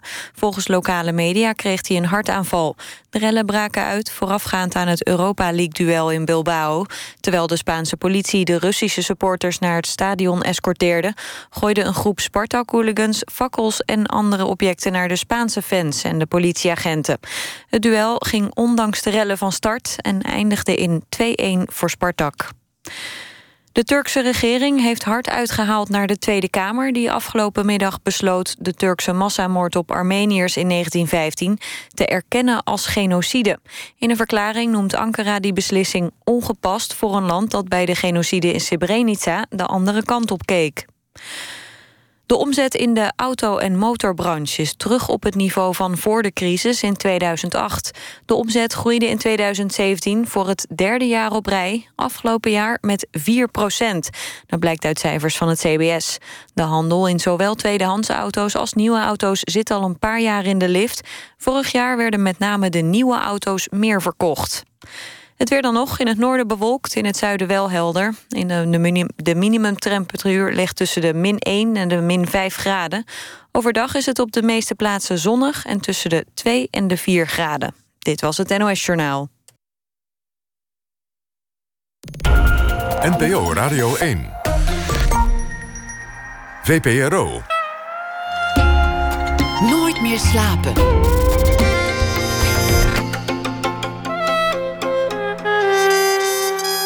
Met Elvie Tromp. Welkom terug bij Nooit meer slapen. Roanne van Vorst is schrijver en antropoloog. En van haar verscheen onlangs de roman Lief van je... waarin het gaat over het schemergebied tussen verantwoordelijkheid en schuld. Straks schuift Roanne van Vorst hier aan voor onze rubriek Open Kaart. Vivaldi Code Rood is een muziektheatervoorstelling... geïnspireerd op verschillende werken van Vivaldi. Alt-violiste Esther Apitulei gaven we afgelopen week de reismicrofoon mee. En later dit uur hoort u haar verslag. Maar we beginnen met een beschouwing bij het nieuws van de afgelopen dag. Deze week verzorgd door Alma Matthijssen. Ze schreef meerdere toneelstukken, een verhalenbundel en de romans Alles is Carmen, De Grote Goede Dingen en Vergeet de Meisjes. Goedenacht, Alma. Goedenacht, hallo. Hi, het is inmiddels donderdag. Nou, dan gaan de meeste mensen al uitkijken naar het weekend. Uh, ben jij zo'n uh, zo'n type die leeft voor het weekend? Nee, eigenlijk helemaal niet. Uh, ja, dat is dan toch, als je een ZZP'er bent, dan, ja, dan bestaan eigenlijk die weekenden heel snel niet meer. wat volgens mij ergens wel heel slecht is. Uh, maar ja, dan ga ik toch denken van... oh ja, maar dat ene stuk kan ik nog wel een klein stukje aan schrijven. En dan, uh, ja, dan is ineens toch het weekend alweer voorbij. Dus geen grote wilde feesten of uh, fijne plannen dit weekend? Nou, er is wel... Een vriendin van mij is jarig en die gaat weer een ouderwets huisfeest geven. Dus ik denk dat ik daar toch wel even heen ga. ah, dat klinkt gezellig. Heel goed. Want je moet natuurlijk ook een beetje ontspannen na het werk. Precies, ja. precies. Dus Oma, dat komt goed. Wat uh, viel je op in het nieuws vandaag? Ja, eigenlijk dat het Openbaar Ministerie uh, niet de zaak tegen de tabaksindustrie uh, gaat uh, oppakken of gaat vervolgen. Dus waar Benedict Fiek nu zo ontzettend goed naar mijn mening mee bezig is. Ehm, dus ja, dat, dat verbaasde me eigenlijk toch dat ze dat nu niet wilden gaan doen. Maar al heb, alhoewel ik wel heel veel vertrouwen heb in Benedict en haar strijd. Dus ik hoop dat, het, dat ze het door weet te zetten. Ik ben heel benieuwd wat je erover hebt geschreven. Ja. Mijn tante werd de prinses van de Nieuwmarkt genoemd. In elk café waren ze verrukt als ze binnenliep. Dan wisten ze dat het feest zou worden. De fusten werden naar boven gesjouwd. De muziek werd harder gezet en de sigarettenmachines gevuld. Want ze rookte als een ketter, mijn tante. Knabbelend aan een kaasstengel nam ze tussendoor een hijs. Tijdens het zingen op het podium van Casablanca, overal waar ze kon. Zelfs onder de douche rookte ze door. Als ze dan toch echt even haar haren moest wassen, stak ze de sigaret tussen haar billen, zodat ze direct weer door kon paffen. Walmen, rook en waterdamp gingen op in elkaar. Mijn tante en de sigaret leken onafscheidelijk. Mijn vader was hetzelfde. Hij nam een reisasbakje mee als hij me van school kwam halen. Wanneer hij moest spelen, klemde hij een asbak die hij speciaal had laten maken aan zijn muziekstandaard. Er zijn foto's waar je hem boven mijn kinderwagen ziet paffen. Ik heb roken altijd als iets prettigs ervaren. De geur deed me denken aan mijn vader en soms dacht ik aan de billen van mijn tante. Maar mijn vader ging dood en mijn tante werd kortademig. Nu is er Benedict Fiek, die de sigarettenindustrie aanklaagt. Zelf rookte ze dertig jaar lang en kent als geen ander de gevaren. Met een uitgetrokken zwaard bestormt ze een monsterlijk wezen, miljoenen malen groter dan zijzelf. Zonder angst en vastberaden zet ze krassen in het systeem. Dat begint te wankelen, ook al is het met het blote oog nog amper te merken. Het logge apparaat van het OM schrikt haar niet af. Het geeft haar wellicht zelfs nog meer vuur. Benedict zal overwinnen. Mijn vader krijg ik niet terug, maar mijn tante heeft inmiddels besloten te stoppen. Dankjewel. Heb je zelf ooit gerookt? Ja, ik, ik ben zo'n roker die dan uh, uh, af en toe een sigaret rookt. En dat heb ik denk ik tot mijn 32e volgehouden. En nu ben ik echt sinds een half jaar dat ik geen enkele sigaret meer rook. En, en eerlijk gezegd moet ik toch zeggen dat het voor een gedeelte ook komt door uh, Benedict. Ik vind haar zo fantastisch en strijdlustig. En ja, ik had bij haar echt het gevoel dat ze toch weer andere dingen liet zien. Juist doordat ze zo benadrukt dat het echt gaat om, om een systeem wat moet worden afgebroken. En dat juist het individu eigenlijk niet zo veel kwalijk te nemen viel. Dat, dat kwam bij mij ineens zo binnen en ik voelde me zo... Um, ja, uh, beetgenomen door, door de sigaret. Dat ik dacht, nee, ik, uh, ik wil er eigenlijk gewoon niks meer mee te maken hebben. Ja, dat is een heel duidelijk standpunt. En ik denk dat velen met jou dat uh, delen. Ook mensen die uh, niet per se uh, familieleden zijn aan verloren. Maar ja. ik denk Ja. toch vaak met dat soort dingen... dat als ze nu op de markt zouden komen... dat ze direct verboden zouden worden. Ook als alcohol nu uitgevonden zou worden... dan zouden ze er ook zeggen, waar zijn we mee bezig? Dit moet nu verboden worden. Ja, ja, zeker met alcohol. Maar dat is gewoon zo geaccepteerd. En dat was roken natuurlijk ook totaal. En ik denk dat het heel goed is dat het nu gewoon steeds eh, ja, minder, minder stoer wordt gevonden. Toen ik opgroeide was het natuurlijk ook echt nog wel zo. En je ziet het bij jongeren ook, ja, tuurlijk nog steeds wel. En je wil natuurlijk ook niemand betuttelen, maar ja... Het is gewoon zo ontzettend slecht en je wordt verslaafd gehouden. En als je dat eenmaal echt inziet... Uh, nou ja, gelukkig was ik dan niet zo verslaafd... dat, het, dat ik nog wel redelijk makkelijk kon stoppen. Maar dat is natuurlijk niet voor iedereen zo. Nou, mooi dat Benedict in ieder geval jouw huis geïnspireerd. Uh, en uh, ja. we wensen haar heel veel succes. En jou alvast een heel fijn weekend. Dank, jullie ook. Don't even try to tell me nothing. I can see, baby, you're bluffing. Saying way too much of something. Tried to wash it away, but I knew. Ready, saw it coming. In between all of the cuffing.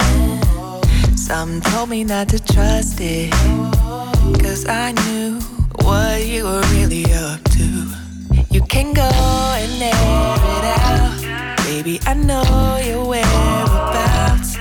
You're hanging out, leave me. Got me by a thread hanging on the line. Air it out.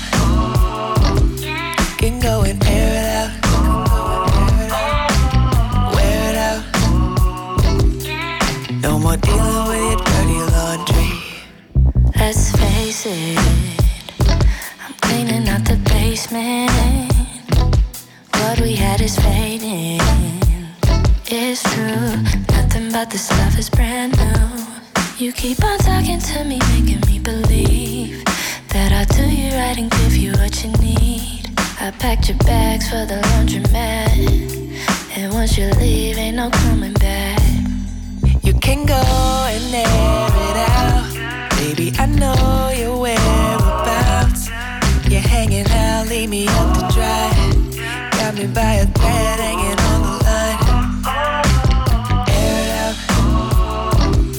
can go and air it out.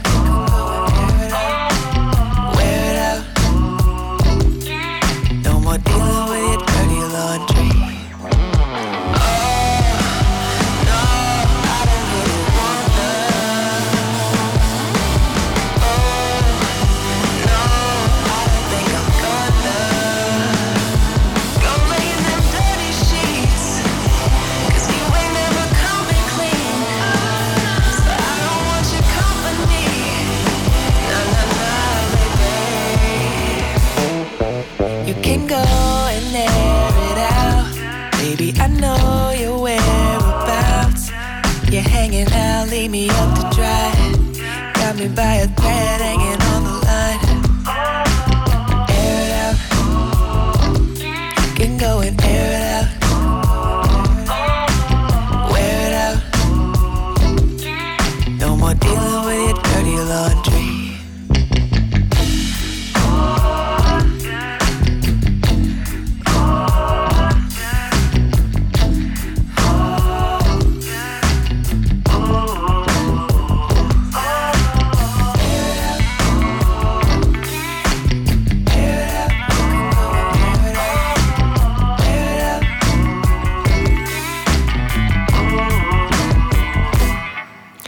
Dat was de soulzangeres Malia. Met behulp van Sid zong zij het nummer Dirty Laundry.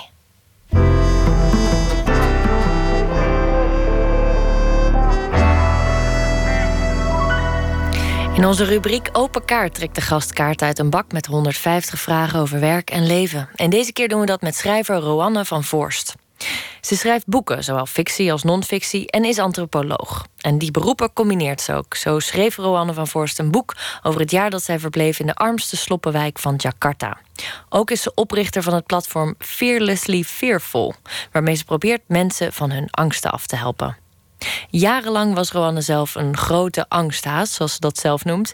Maar inmiddels beklimt ze de hoogste bergen, letterlijk en figuurlijk. En nu ligt er een nieuw boek, Lief van je. Over een broer die overlijdt en een zus die zijn strijd wil afmaken door te gaan vechten in Syrië. Welkom, Roanne. Dankjewel. Wauw, dat is wel een uh, actueel thema. Ja, ja, dat was Ja. denk ik ook onbewust een van de redenen waarom ik het schreef. Het is niet dat ik een soort ideologie of dat ik iets wilde uitdragen, maar het is natuurlijk wel iets waar ik veel over nadenk en waar je veel over leest tegenwoordig. Ja, het is, het is een fictieboek, hè? Het is een verzonnen boek, ja, Ja, absoluut. maar- Maar, wel gebaseerd op eh, heel veel interviews die ik heb gehouden met eh, veteranen, met jonge ex-militairen. Ja. Ja. En het is redelijk uitzonderlijk als een vrouw wil gaan vechten, ja. denk ik. De meeste Ja. vrouwen gaan naar Syrië omdat ze daar nou ja, de strijders willen ondersteunen of humanitaire eh, hulp willen bieden. Ja. Was het voor jou duidelijk, het moet een vrouw zijn die gaat vechten? Of? Nou ja, ik, ik schrijf altijd een beetje intuïtief. Dus ik heb heel vaak van tevoren niet echt een heel duidelijk plan wat ik wil met een roman. Dat komt meer tijdens het schrijven. En ik ben in eerste instantie begonnen met het beschrijven van een man. Maar op een gegeven moment werd het een vrouw. En ik denk toch omdat ik het. het het is voor mij een boek, het gaat vrij diep ook over het verlies van een broertje. Ik heb zelf een broertje, dus misschien was ik me wel zo aan het inleven... dat ik op een gegeven moment gewoon vanuit een vrouwpersoon moest gaan schrijven. Maar het is inderdaad waar dat de meeste strijders zijn natuurlijk mannen. Uh, en ook onder militairen zijn er uh, beduidend minder vrouwen. Ja. Is het dan ook uh, je meest persoonlijke boek? Als je zegt, het kwam steeds dichterbij. Ik voelde ook hoe het was om een broertje te hebben. Ja, nou weet je, het is, er, er klopt heel veel niet aan het verhaal met mijn eigen leven. Uh, gelukkig maar, want er gebeuren ook allemaal vreemde dingen tussen haar en het broertje. En uh, dit is ook nogal een, uh, een bijzondere dame die ik beschrijf. Maar ik denk wel dat de pijn van het verlies van een broertje... kon ik me wel extra goed inleven. Dus daar zat wel echt een soort voorstellingsvermogen bij. Ja, wat dat betreft is het een heel persoonlijk boek. Lief van je is je tweede roman. En de centrale vraag is in feite: waar houdt verantwoordelijkheid op en begint schuld? Ja. Waarom uh, interesseert die vraag je zo? Ik denk omdat het een vraag is die ik zelf helemaal niet kan be beantwoorden. Omdat het een vraag is die ik zelf um, vaak door mijn hoofd vol schieten. Niet, niet alleen maar met dit soort thema's. Um, maar ook bijvoorbeeld met het vluchtelingenthema in Nederland. Dat ik mezelf er wel eens op betrap van... oh, ik vind het allemaal heel erg. Maar waarom nodig ik dan niet wat vaker een vluchteling te eten uit? Of waarom heb ik dan eigenlijk niet mijn huis opengesteld... voor iemand om te blijven slapen? Weet je, het, is, het zijn allemaal van die thema's die je tegenwoordig natuurlijk meekrijgt uit de media. Um, vlees eten, het klimaat, maar waarvan je ook heel makkelijk kunt doen alsof ze er niet zijn. En gewoon je eigen leventje kunt blijven leven. En ik probeer daar af en toe wel over na te denken. Zonder daar heel moraliserend over te zijn. Maar wel van, goh, moet je nou in alles het goed proberen te doen? Of mag je soms ook wel een beetje dingen van je af laten glijden? Um, en het is dus een vraag waarop ik werkelijk niet zo heel goed weet... wat nou het juiste is. Maar wel eentje die ik heel intrigerend vind. Um, je zegt zelf dat je het grootste gedeelte van je leven een ontzettende bangeris was. Hoe uh, uitte zich dat? Hm. Um, ik had verschrikkelijke hoogtevrees, bijvoorbeeld. Tegenwoordig ben ik bergbeklimmer, uh, sportklimmer, dus daar ben ik overheen gekomen. Maar ik was echt heel erg bang voor hoogte. Dus dat was één ding. Ik was bang voor honden. Ik heb een hond tegenwoordig. En ik ben na een bijna auto-ongeluk best wel bang geworden voor autorijden. Nou, dat is gelukkig ook overgegaan. Dus er waren allemaal van die dingetjes. Het was niet zo dat ik een enorm muurbloempje was. Maar er waren wel dingetjes die me beperkten in mijn vrijheid. Die me beperkten in dingen die ik wel zou willen doen... maar die ik niet zo heel goed durfde. En hoe verhoudt zich dat tot jouw platform wat je hebt opgericht? Fearlessly Fearful? Nou, ik ben naast dat ik schrijver ben, ben ik onderzoeker. En ik doe eigenlijk al tien jaar onderzoek naar risicogedrag... en naar wonen en werken op de meest gevaarlijke plekken. En voor dat werk ging ik ook steeds naar die plekken. Dus ging ik naar een Sloppenwijk of ging ik naar Groenland om op een uh, jagerseiland te wonen. En in de loop der jaren heb ik interviews gedaan met, ik denk wel honderden angstexperts eigenlijk. Met mensen die echt de dapperste van de, allerwereld zijn, van de, van de wereld zijn. Dus dat waren dat soort jagers. Um, maar ook mensen die zonder touw rotsen van duizend meter hoog beklimmen. Weet je, gewoon echt daredevils. En al die mensen bleken methoden te hebben uh, om met hun angsten om te gaan. Of om niet bang te zijn of om niet de controle te verliezen. Die schreef ik natuurlijk ijverig op. Daar ben ik ook op gepromoveerd. En op een gegeven moment ben ik die gaan uh, toepassen zelf. En die hielpen mij heel erg om wat te worden en over angsten heen te komen. En toen dacht ik, oh, dat vind ik eigenlijk zo leuk. Want dat betekent dat iedereen die denkt dat hij niet zo heel stoer is aangelegd... dat ook gewoon kan leren. En dat ben ik mensen gaan leren. Dus ik ben trainingen gaan geven en lezingen gaan geven en workshops. En daar kwam het platform uit. En nu zijn er allemaal mensen die met mij in groepen zitten en uh, over hun autorijangst heen komen. En uh, over hun hoogtevrees heen komen. Of over hun vlieg, vliegangst. Dus een heel grappig uitstapje van mijn onderzoekswerk. Maar wel een heel leuk uitstapje. Ja, en heel praktisch toepasbaar ook. Ontzettend. En ontzettend. Fijn ook dat je andere mensen kan helpen, lijkt me. Ja, en het is helemaal niet een soort zweverig uh, guru-esk. Het is meer um, omdat ik daar tien jaar onderzoek naar heb gedaan, weet ik ook gewoon uit de psychologie wat er echt werkt. En het zijn vaak dingetjes die je thuis gewoon kan oefenen. Weet je, die helemaal niet zo heel ingewikkeld zijn. En voor heel veel mensen valt er echt zo'n last van hun schouders. Van oh, oh, ik kan dit gewoon een paar weken thuis oefenen en dan gaat het eigenlijk wel. Weet je, of dan durf ik ineens wel die auto in. Het is natuurlijk heel erg leuk en stimulerend om dat te doen. En ze moeten ook altijd erg om mij lachen, want ik blijf alle nieuwe onderzoeksmethodes uitproberen. En dan moet ik af en toe met kabels op mijn hoofd worden weer hersenactiviteit gemeten. Als ik iets spannends ga doen, dan deel ik dan allemaal met de mensen in mijn groep door filmpjes en zo. Dus het is, uh, het is een heel uh, ondernemend gebeuren. Klinkt heel spannend. Laten we kijken wat voor uh, nou ja, vlees we in de kuip hebben. Ja, en, kan je ik wachten. doe de Spannend vragendoos voor je open. Zo. Mag dit ook gewoon intuïtief doen, hè? Oh, totaal. Wat is de mooiste reis die je gemaakt hebt? Nou, vraag je dat aan een antropoloog. Ja, je uh, hebt er nogal wat op je, ja, op je naam staan. Ik ja. heb echt vanaf mijn achttiende, denk ik, ben ik bijna meer in het buitenland geweest dan uh, thuis. Dus het zijn er nogal wat. Nou, ten eerste, ik heb hele lange tijd... Ik heb twee keer een half jaar op een Inuit-eiland gewoond in Groenland. Um, dat was heel fantastisch. Dus er wonen daar maar 80 mensen. Het was uren varen naar het eerstvolgende dorpje.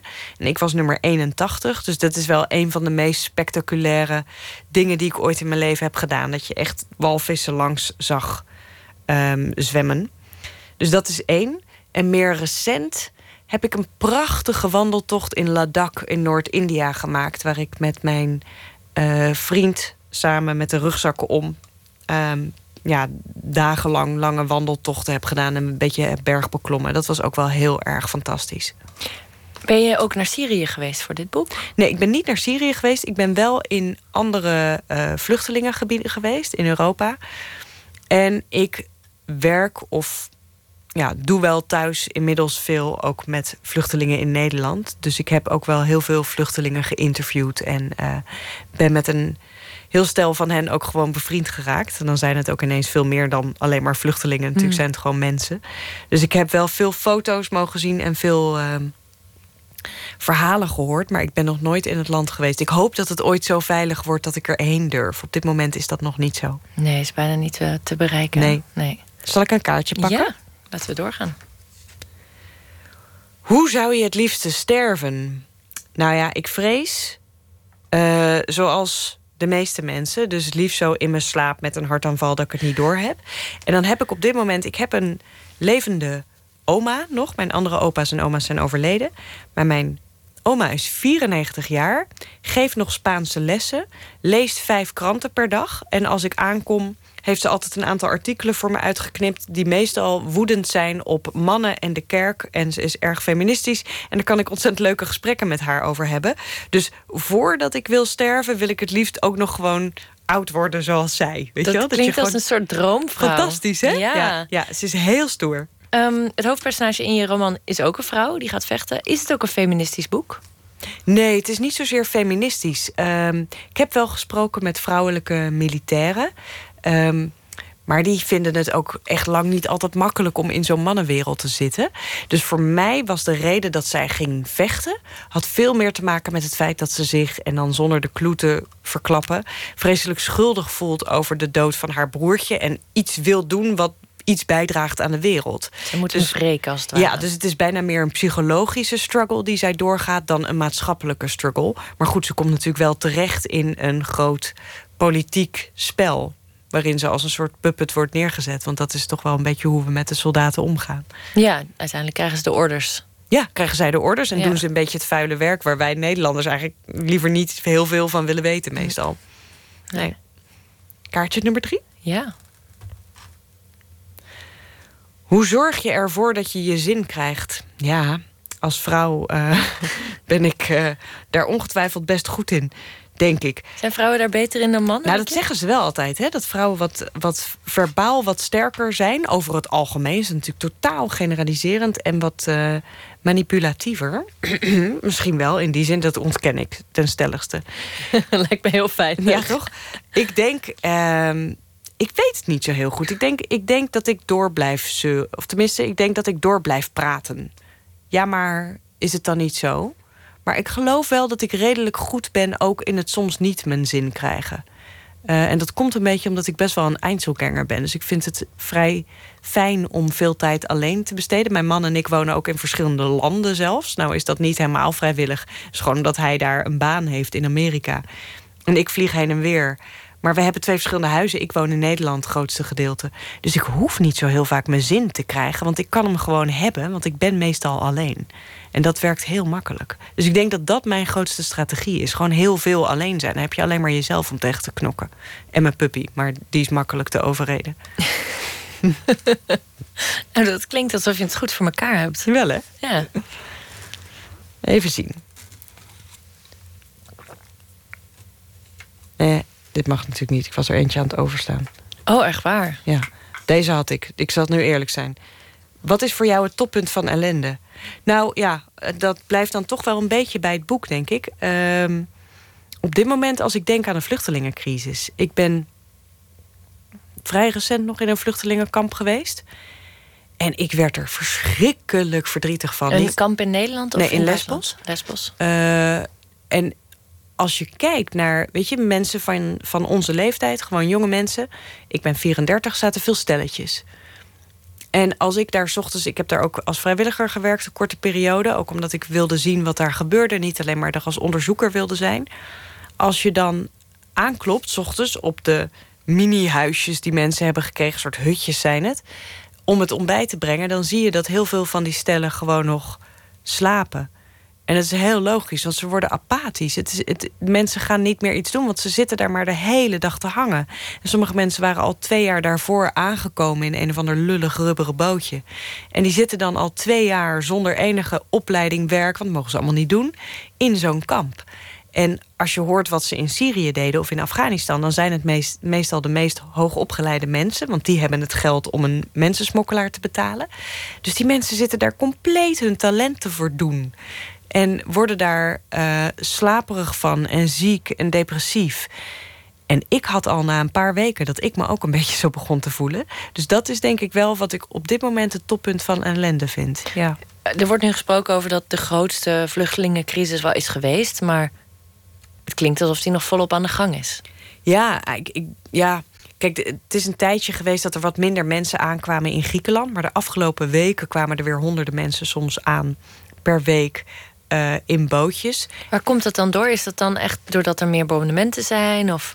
Het is niet altijd helemaal duidelijk. Het heeft ook ermee te maken hoe streng men weet dat Turkije uh, mensen tegenhoudt op zee of weer terugstuurt. Weet je, allemaal dat soort roddels gaan er, gaan er over en weer. Dus daar heeft het heel veel mee te maken. Het zou ook te maken kunnen hebben met bombardementen. Um, en daarbij, ja, de vluchtelingencrisis wordt wat minder. Ik ben vorige week in Myanmar geweest om daar veldwerk te doen. En op, dat moment, op dit moment is daar een van de grootste vluchtelingencrisis gaande sinds de Tweede Wereldoorlog. Met zoveel um, Rohingya die daar aan het vluchten zijn en zo. Dus het, het gaat op meer plekken dan wij soms in Europa bijna doorhebben. Wij zien natuurlijk Griekenland en Turkije en uh, daar wordt heel veel ruzie over gemaakt. Maar verder weg gebeurt er ook van alles. Ja. Ik kan me voorstellen als je het echt van nabij meemaakt... dat ook wel een beetje de moed in je schoenen uh, zakt. Soms wel. En weet je wat het, gekke is? Ja, en weet je wat het gekke is? We vinden hier in Nederland soms al van... ah, er komen te veel vluchtelingen. En als je bedenkt dat 80% van de vluchtelingen wordt sowieso opgevangen door de landen eromheen. Hè? Dus dat zijn de landen om Syrië heen. Dus Midden-Oosten, daar, daar, die vangen op. Wij doen maar een heel klein beetje. En het overgrote merendeel van de mensen komt ook helemaal niet in vluchtelingenkampen terecht. Die huren gewoon zelf kamertjes. Dus ook nog eens 80% van de vluchtelingen zit buiten kampen, wordt geschat. Die, die wonen gewoon in de stad. Die worden meestal een beetje uitgebuit en die zitten in een of ander studentenkamertje met de hele familie. Dus als je daar nog eens over gaat nadenken, is het nog veel erger dan je denkt. Hoe groot het werkelijk is. En weet je wat dan het allergekste is? Dat ik als antropoloog en als schrijver en voor mijn Fearlessly Fearful onderzoek reis ik ongelooflijk veel. En elke keer als ik op Schiphol loop en een beetje wapper met mijn paspoort, moet ik altijd denken aan al die mensen die gewoon niet mogen reizen en die dan vastzitten in een kamp. En waarom? omdat ze ooit in een ander land geboren zijn. Dat is wel een heel gek idee. Ja, dan snap ik wel waar die schuldvraag vandaan komt. Waar we ja, het gesprek mee begonnen. Dan ga je daar wel over nadenken. Ja, dan, Ik realiseer me steeds vaker dat het tegenwoordig misschien niet meer alleen gaat om wie is er arm en wie is er rijk. Want heel veel van de vluchtelingen zijn helemaal niet het allerarmst. Maar meer om um, wie is er vrij om te gaan waar die wil en wie is dat niet. Weet je? En dat is een hele gekke nieuwe tweesplitsing. Of ik weet niet of die nieuw is, maar in ieder geval is die prominent. Ja. Zal ik de laatste kaart pakken? Een korte. Heb je ooit een heldendaad verricht? Het klinkt alsof je er volop mee bezig bent. Nou, nee. Ik vrees dat het uh, beste wat ik recentelijk heb gedaan... is de puppy meenemen uit het vluchtelingenkamp. Maar ik had liever een vluchteling onder mijn arm meegenomen. Dieren hebben ook gevoel. zeker, zeker, zeker. En hij heeft mij over mijn angst helpen, helpen. Dus misschien is hij meer de helft. Ja. Ro uh, mag ik je bedanken voor je komst naar de, naar de studio. Het was gezellig. Ja, het was fantastisch. Uh, je boek Lief van je is nu uit. En, uh, ik Hij ligt in de boekhandel. Ja, spannend. Veel succes. Dankjewel.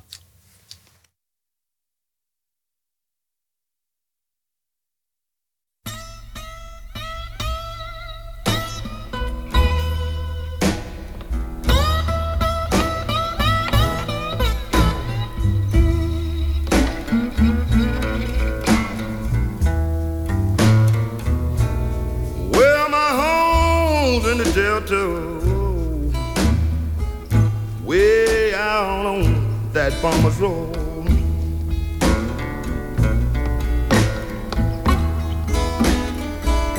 Now you know I'm leaving Chicago, and people I sure do hate to go.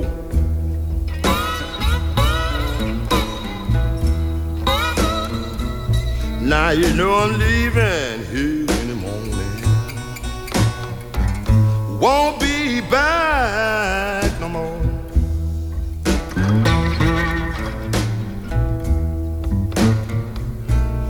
Well, I know my little baby.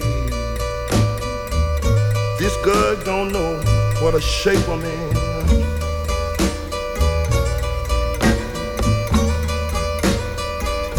You know I haven't had Boys, you know, and God knows when.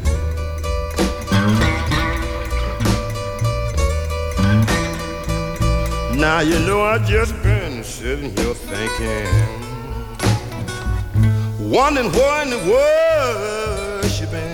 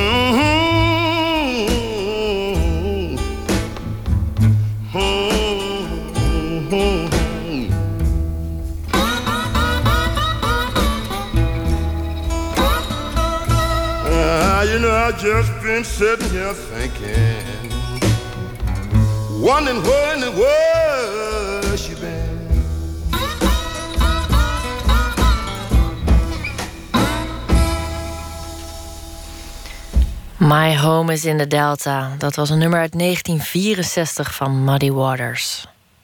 We gaan verder met 1 minuut, een serie vol wonderlijke verhalen in 60 seconden. En dit is deel 6 van de camping. Eén minuut. De camping. Nou, op een gegeven moment gingen ze vast naar een bepaalde camping toe. En toen heeft hij eh, besloten eh, om die kippen mee te nemen. Ja, volgens mij had hij er dan een stuk of vier, vijf mee. Had hij een soort provisorisch hokje gebouwd. Ja, heel simpel, van hout en wat kippengaas. En dat ging dan in de caravan.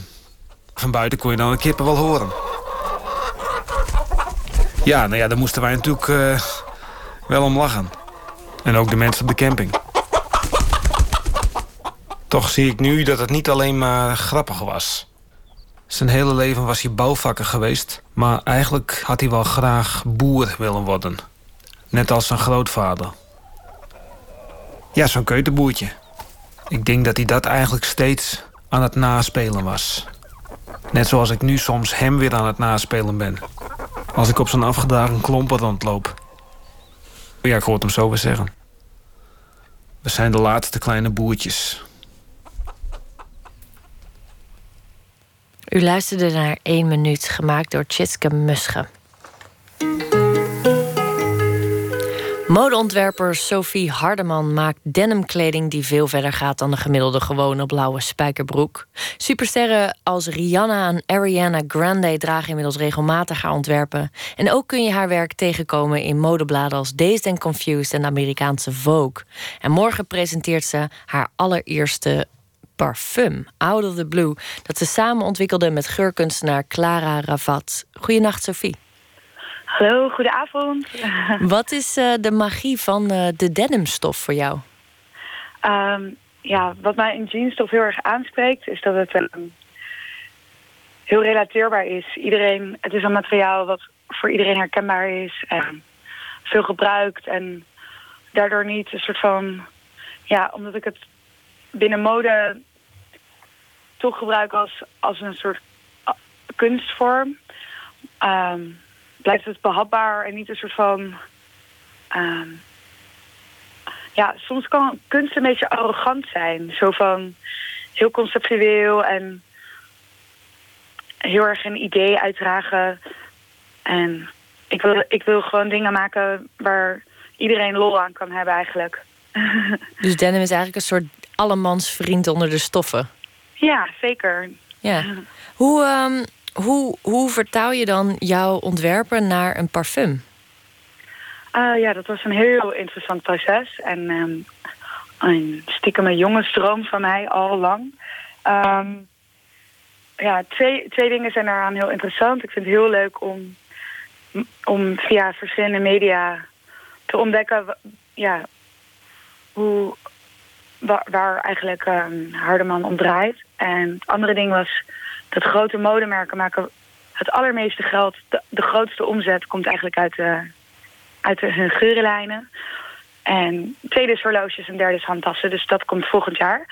En ja, dus dat gegeven, met dat gegeven wilde ik het soort van heel graag onderzoeken hoe ik, hoe, hoe ik dat dan op mijn manier zou doen. En ja, en dat het ook eigenlijk zijn onschuld zou behouden. Dus het is niet, ja, niet een geur die misschien um, heel chic is. Maar wel een geur die van iedereen is. Dus het is ook een beetje... Um, ja, de inspiratie is eigenlijk... Um, als je een beetje verliefd bent... en dat je daardoor eigenlijk heel onhandig wordt. Maar hoe ruikt dat? Ja, Um, ik ga zelf namelijk nogal veel zweten als ik uh, een beetje verliefd ben. Ja, ik krijg klamme ja. handen. Maar ik hoop toch niet dat je parfum naar uh, zweet ruikt? Nou, het grappige daaraan is dus... als je verliefd bent, dan ben je eigenlijk ook verliefd op iemands geur. En dat, daarom dan ben je verliefd op, je, op iemands pheromonen. En dat, dat is eigenlijk dus de zweetlucht. En als je dan gek op iemand bent, dan ruikt het eigenlijk stiekem ook best lekker. En het is een beetje... Het heeft iets, mus, iets iets musky, muskusachtig. Mm -hmm. uh, maar het, is ook, het heeft ook een beetje iets chemisch. Uh, de parfum is um, verkrijgbaar in een poppersflesje. En Poppers is toch uh, drugs die veel in de, in de gay scene wordt gebruikt? Ja, dat klopt. het is een um, soft drug, geloof ik. Maar je, je, je, je ruikt dat inderdaad, of je snuift dat. En het is lucht waardoor je... Um, ja, een beetje geil wordt, als ik dat mag zeggen. En heel erg, um, ja, heel erg vlinders in je buik krijgt. En um, ja, je natuurlijk ook een beetje zelfverzekerd voelt waarschijnlijk. En met dat idee, ja, een parfum reclame is, gaat, draait om begeerte. Dus mm -hmm. dat is alleen maar um, ja, desire en ja, het is niet verliefd. Het gaat echt om lust. En het objectiveert eigenlijk bijna iemand. En um, dit gaat, wat, wat, wat we met het parfum wilden doen... is dat het weer teruggaat naar... ja, een soort van... niet, niet een verkoopbare begeerte... maar een soort menselijke interactie. Dus het, het is ja, een soort van onschuldig, maar ook heel ondeugend. Ja, de lancering van je parfum valt samen met de nieuwe herfst-wintercollectie. Hoe um, presenteer je zo'n parfum op de catwalk? Um, dat is een hele interessante vraag. En um, ik doe liever geen catwalk-presentaties, omdat op, een, ja, op, een, soort van officiële modeshow rennen modellen over de runway. En als je niet op de eerste rij zit, dan krijg je er bijna niks van mee. En ja, zie je het vooral via Instagram voorbij komen. En gaat hartstikke snel voorbij. Dus onze presentaties zijn meestal een soort van performances. Een soort van tableau vivant kan je je dan voorstellen. Waarin de modellen in een soort van... Ja, bijna een soort toneelstuk. Waardoor je heel veel tijd krijgt om dingen van dichtbij te zien. En vanuit andere kanten. En in interactie ook, in beweging. Omdat in het echte leven heb je ook kleding aan. En ben je ook gewoon dingen aan het doen, aan het zitten, aan het praten, over de grond aan het rollen, ergens omhoog aan het klimmen. Dus ik vind het ook belangrijk dat je dat in de kleding kan doen en kan zien. En ja, de parfum zal dus inderdaad ook op zo'n manier getoond worden. Waarbij ehm, ja, je van heel dichtbij kan proeven, zien, voelen, aanraken. Ehm, ja, Duidelijk. Afgelopen weekend toonde je de collectie nog tijdens de New York Fashion Week. Hoe waren de Ja. reacties daar? Was dit ook je eerste keer daar trouwens? Eh, nee, ik heb twee jaar geleden precies voor het eerst in New York geshowd. Toen was ik er uitgenodigd om tijdens het officiële programma een runway show te doen. En dat was ontzettend overweldigend. En sindsdien ehm, doen we twee keer per jaar. Dus dat is nu, was nu dan de vierde keer. Gaan we naar eh, New York om daar dan de collectie eigenlijk te lanceren. En deze keer ook weer via een performance. En hoe ging het? Het was heel erg leuk. En ehm, ja, het is altijd ontzettend fantastisch om te zien. Bijvoorbeeld, we hebben dan twee dagen lang casting. En dan mag iedereen langskomen die model wil zijn. En dan ontmoet- ontmoeten we altijd zoveel toffe mensen die er mee, mee aan willen doen. En ja, dat is heel overweldigend om dan in zo'n grote enge stad je ineens toch heel erg thuis te voelen. Dat kan ik me heel goed voorstellen. Het klinkt alsof je op een heel spannend pad bezig bent. En eh, morgen is de volgende stap. De presentatie van Blue je parfum. Out of the Blue in, eh, in Wow Amsterdam. Eh, Ja. is, is het toegankelijk voor publiek? Kan iedereen zomaar binnenkomen of moet je uitnodiging Ja, hebben? zeker. En je kan het op de website van WOW vinden en op Facebook. En ehm, ja, het gaat heel erg leuk, gezellig worden en heel erg spannend. En ook een beetje onhandig en ook een beetje stotterend verliefd. Dus dat is echte verliefdheid zo- en zo voel- lust. ja, zo voel ik me er ook nog steeds over. Dus Het klinkt allemaal heel erg eh, spannend. En eh, ik zou Ja. wel zeggen, ga dat meemaken, ga dat ruiken. Ja. Ehm, dankjewel en heel veel succes, Sophie Hardeman. heel erg bedankt. Hele fijne avond iedereen. Jij ook. Dag. My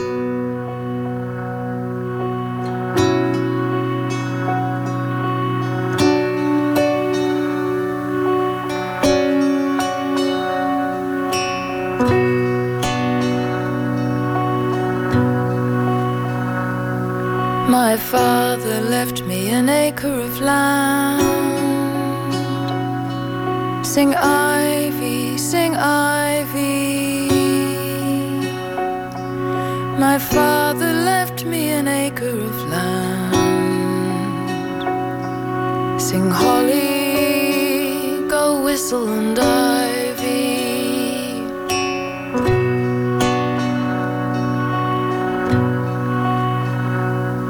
I plowed it with a ram's horn. Sing ivy, sing And sowed it all over with one peppercorn. Sing holly,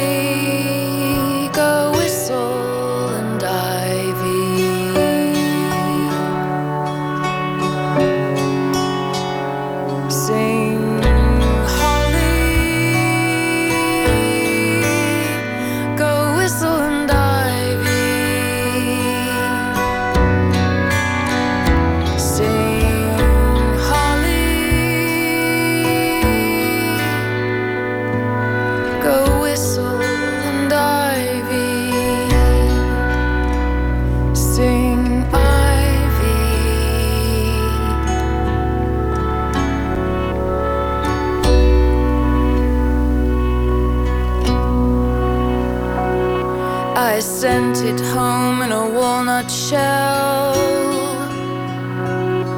Sing ivy, sing ivy. and thrashed it with a goose's quill.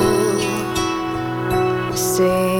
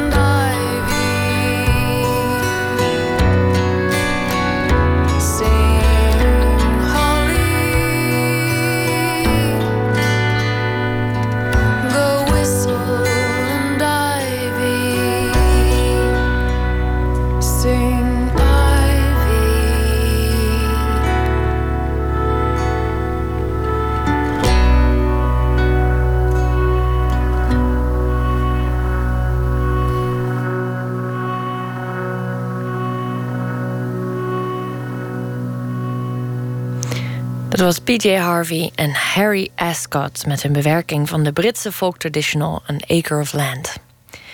Iedere week geven we onze reismicrofoon mee aan iemand die bijna een première, een presentatie of een bijzonder optreden gaat beleven. En deze week nam altvioliste Esther Apitolai de microfoon mee. Samen met schrijver en regisseur Co van der Bos maakten ze de muziektheatervoorstelling Vivaldi Code Rood, geïnspireerd op verschillende werken van Vivaldi. Esther Apitolai gaven we. Oh ja, nou, daar gaan we dus naar luisteren.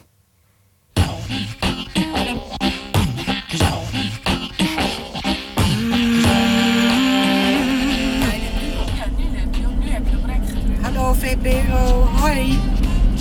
Ik ben Esther Abitulei van Vivaldi Code Rood. Ik ben initiatiefneemster van Vivaldi Code Rood. Ik doe even een kapje op voor het spugen, geloof ik, hier. Tegen het spugen. Tegen het spugen. voor het spugen. Ik rij nu naar Haarlem toe, waar we met het jeugdorkest gaan repeteren. Om te kijken hoe dat op de, in de zaal uiteindelijk gaat worden. Tot de volgende keer.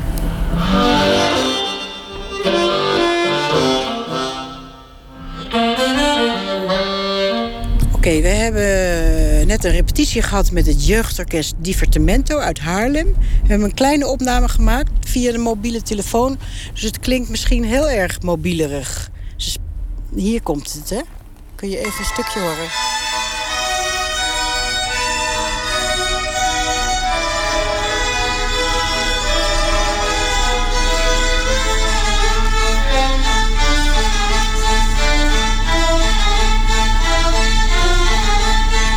Is het jeugdorkest uit Haarlem. Wat volgende week in Haarlem ook natuurlijk mee gaat doen.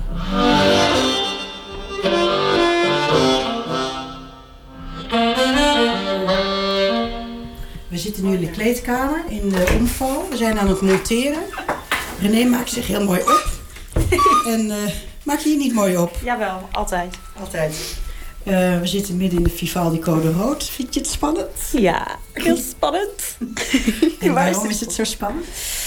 Ehm, omdat het de eerste keer is dat we het vandaag gaan try-outen. Ja. Ja. Ja, dat is heel spannend. Dus ik kom Ja. na de try kom ik even bij je terug. Ja, is goed. Om te vragen hoe je het eh, hebt eh, gevonden. Ja.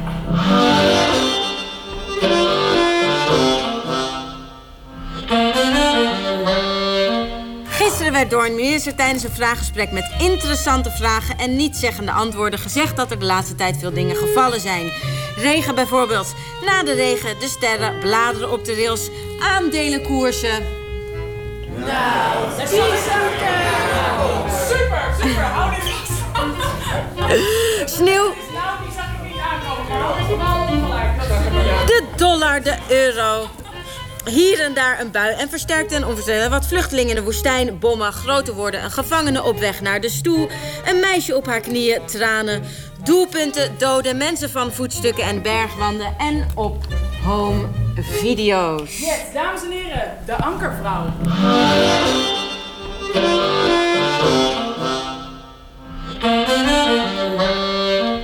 Zo, het is nu 1 uur s'nachts. Ik ben thuis. De eerste doorloop gehad.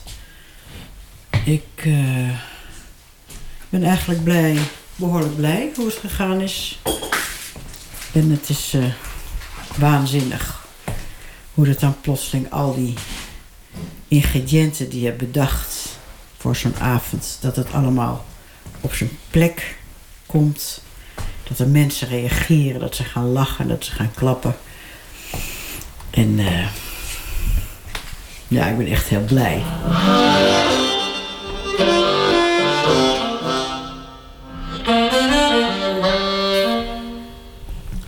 Ehm, ik ben even helemaal vergeten dat ik dit microfoontje had. Ehm, er zijn inmiddels twee try-outs geweest weer. Ehm, ik ben totaal gesloopt, werkelijk. Maar ik moet je zeggen, je krijgt er ook wel enorme energie van. Dat is wel te gek. Wat ook geweldig is, dat er steeds een plaatselijk koor meedoet. En eh, mensen zijn zo verschrikkelijk enthousiast om mee te doen. En dat doe ik het ook echt wel voor. Ik vind het geweldig, zo'n koor dat eigenlijk een doorsnee is van de maatschappij. Ja, het is heel vermoeiend, omdat, of het energieslopend, niet vermoeiend, maar energieslopend, om dit allemaal bij elkaar te krijgen met zoveel mensen. Want je staat dan uiteindelijk toch wel met 50 man op het toneel.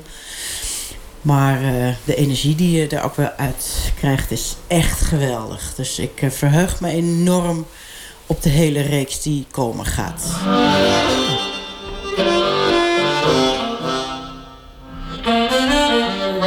Waar staan de coaches? Oké, nu komt eh, Mulder. Wel Olympisch kampioen. Mulder, op de 1000 meter. 500 Sporen weet meter. Dit is een En ik laagloopbaan. ga kijken of ik net zo snel kan 42, die lap spelen als zij is schaatsen. omhoog. Maar Smulder Of nee, omgekeerd. Ik in ga kijken of zij net zo snel kunnen schaatsen als ik speel. Ready? En voorspeld.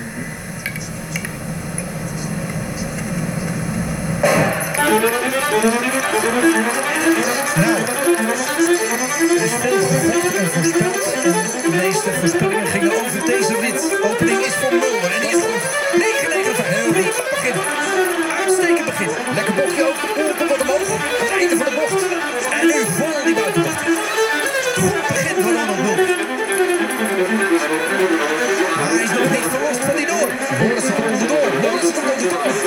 Lorensen met lichte voorsprong. Komt hij in de buurt van de tijd van Klaar. Goeie rit van de Noor. Lorensen in 34, 41. Ho, ho, ho. Die duikt eronder. Kijk, 24, 67. Ja, maar van. Dan heb je zenuwen van staal. Ja, maar...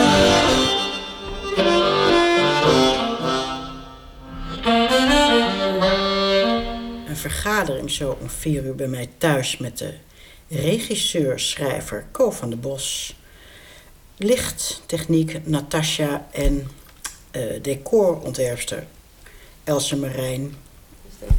Ga je mij nou opnemen? Hallo? Er wordt hier. Nes. We zijn enorm in de vergaderingen. Nou, Else we Nes. het houden niet meer. We hebben het over ijsblokken die er toch zijn. En we willen een sneeuwmachine. Die moet er ook echt komen, vind ik. Wat vind jij? Ik ben het er helemaal mee eens. Ja. Oh, sliert in. Nou, wat, ik, wat mij echt heel erg te gek lijkt is van het, van tra- Maar er is gewoon geen geld. Dat is kut. Het is gewoon, Wat is er, het wat is er niet? Er is Wat geen er niet? geld. Wat is er niet? Else Marijn, wat is er niet? Er is geen geld. Die klote Halbe Zijlstra die daar heeft. er- Ik ben zo blij dat hij een keer huilt.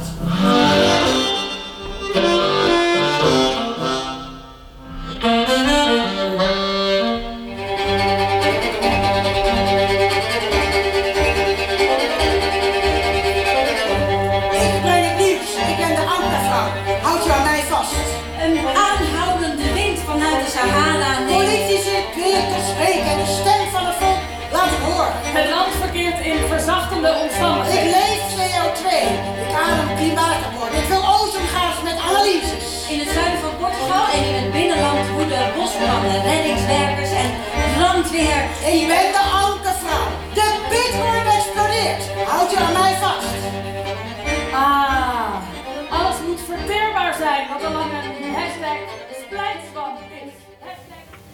U hoorde een bijdrage van Esther Apitulei. Komende zaterdag gaat de muziektheatervoorstelling Vivaldi Code Rood in première in de toneelschuur in Haarlem en reist daarna het land door. De Bahama's hebben net hun vierde album uitgebracht, Earth Tones, en daarvan is dit het nummer Way with Words.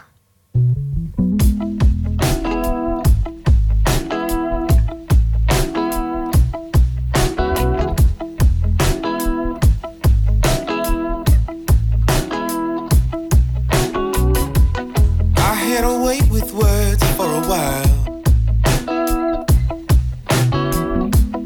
You call it substance over style. Now I hear you laugh, but I don't see a smile. I had a way with words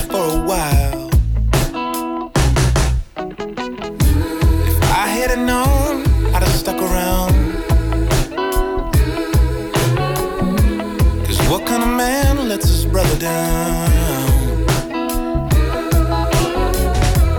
While I was gone, think of all that you found. A dear old friend and a brand new sound.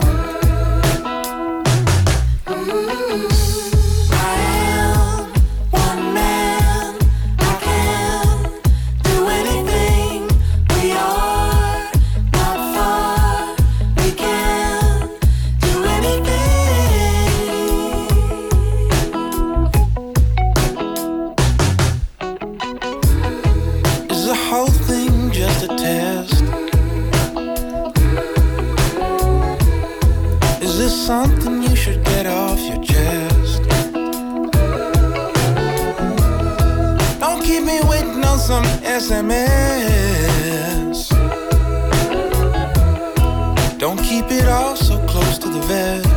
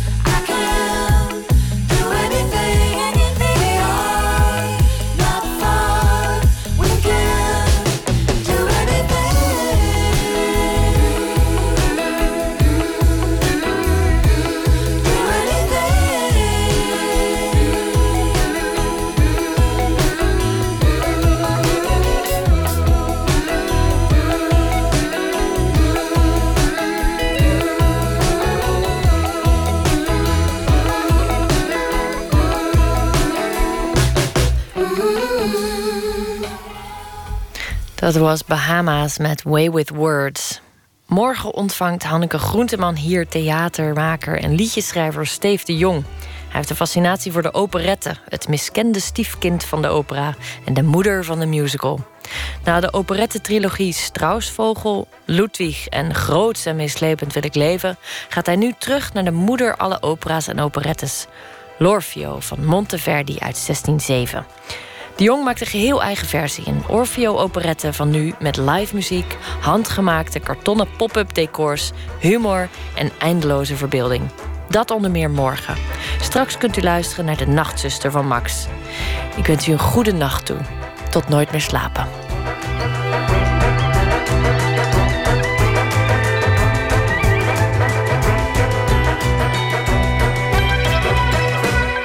Op Radio 1, het nieuws van alle kanten.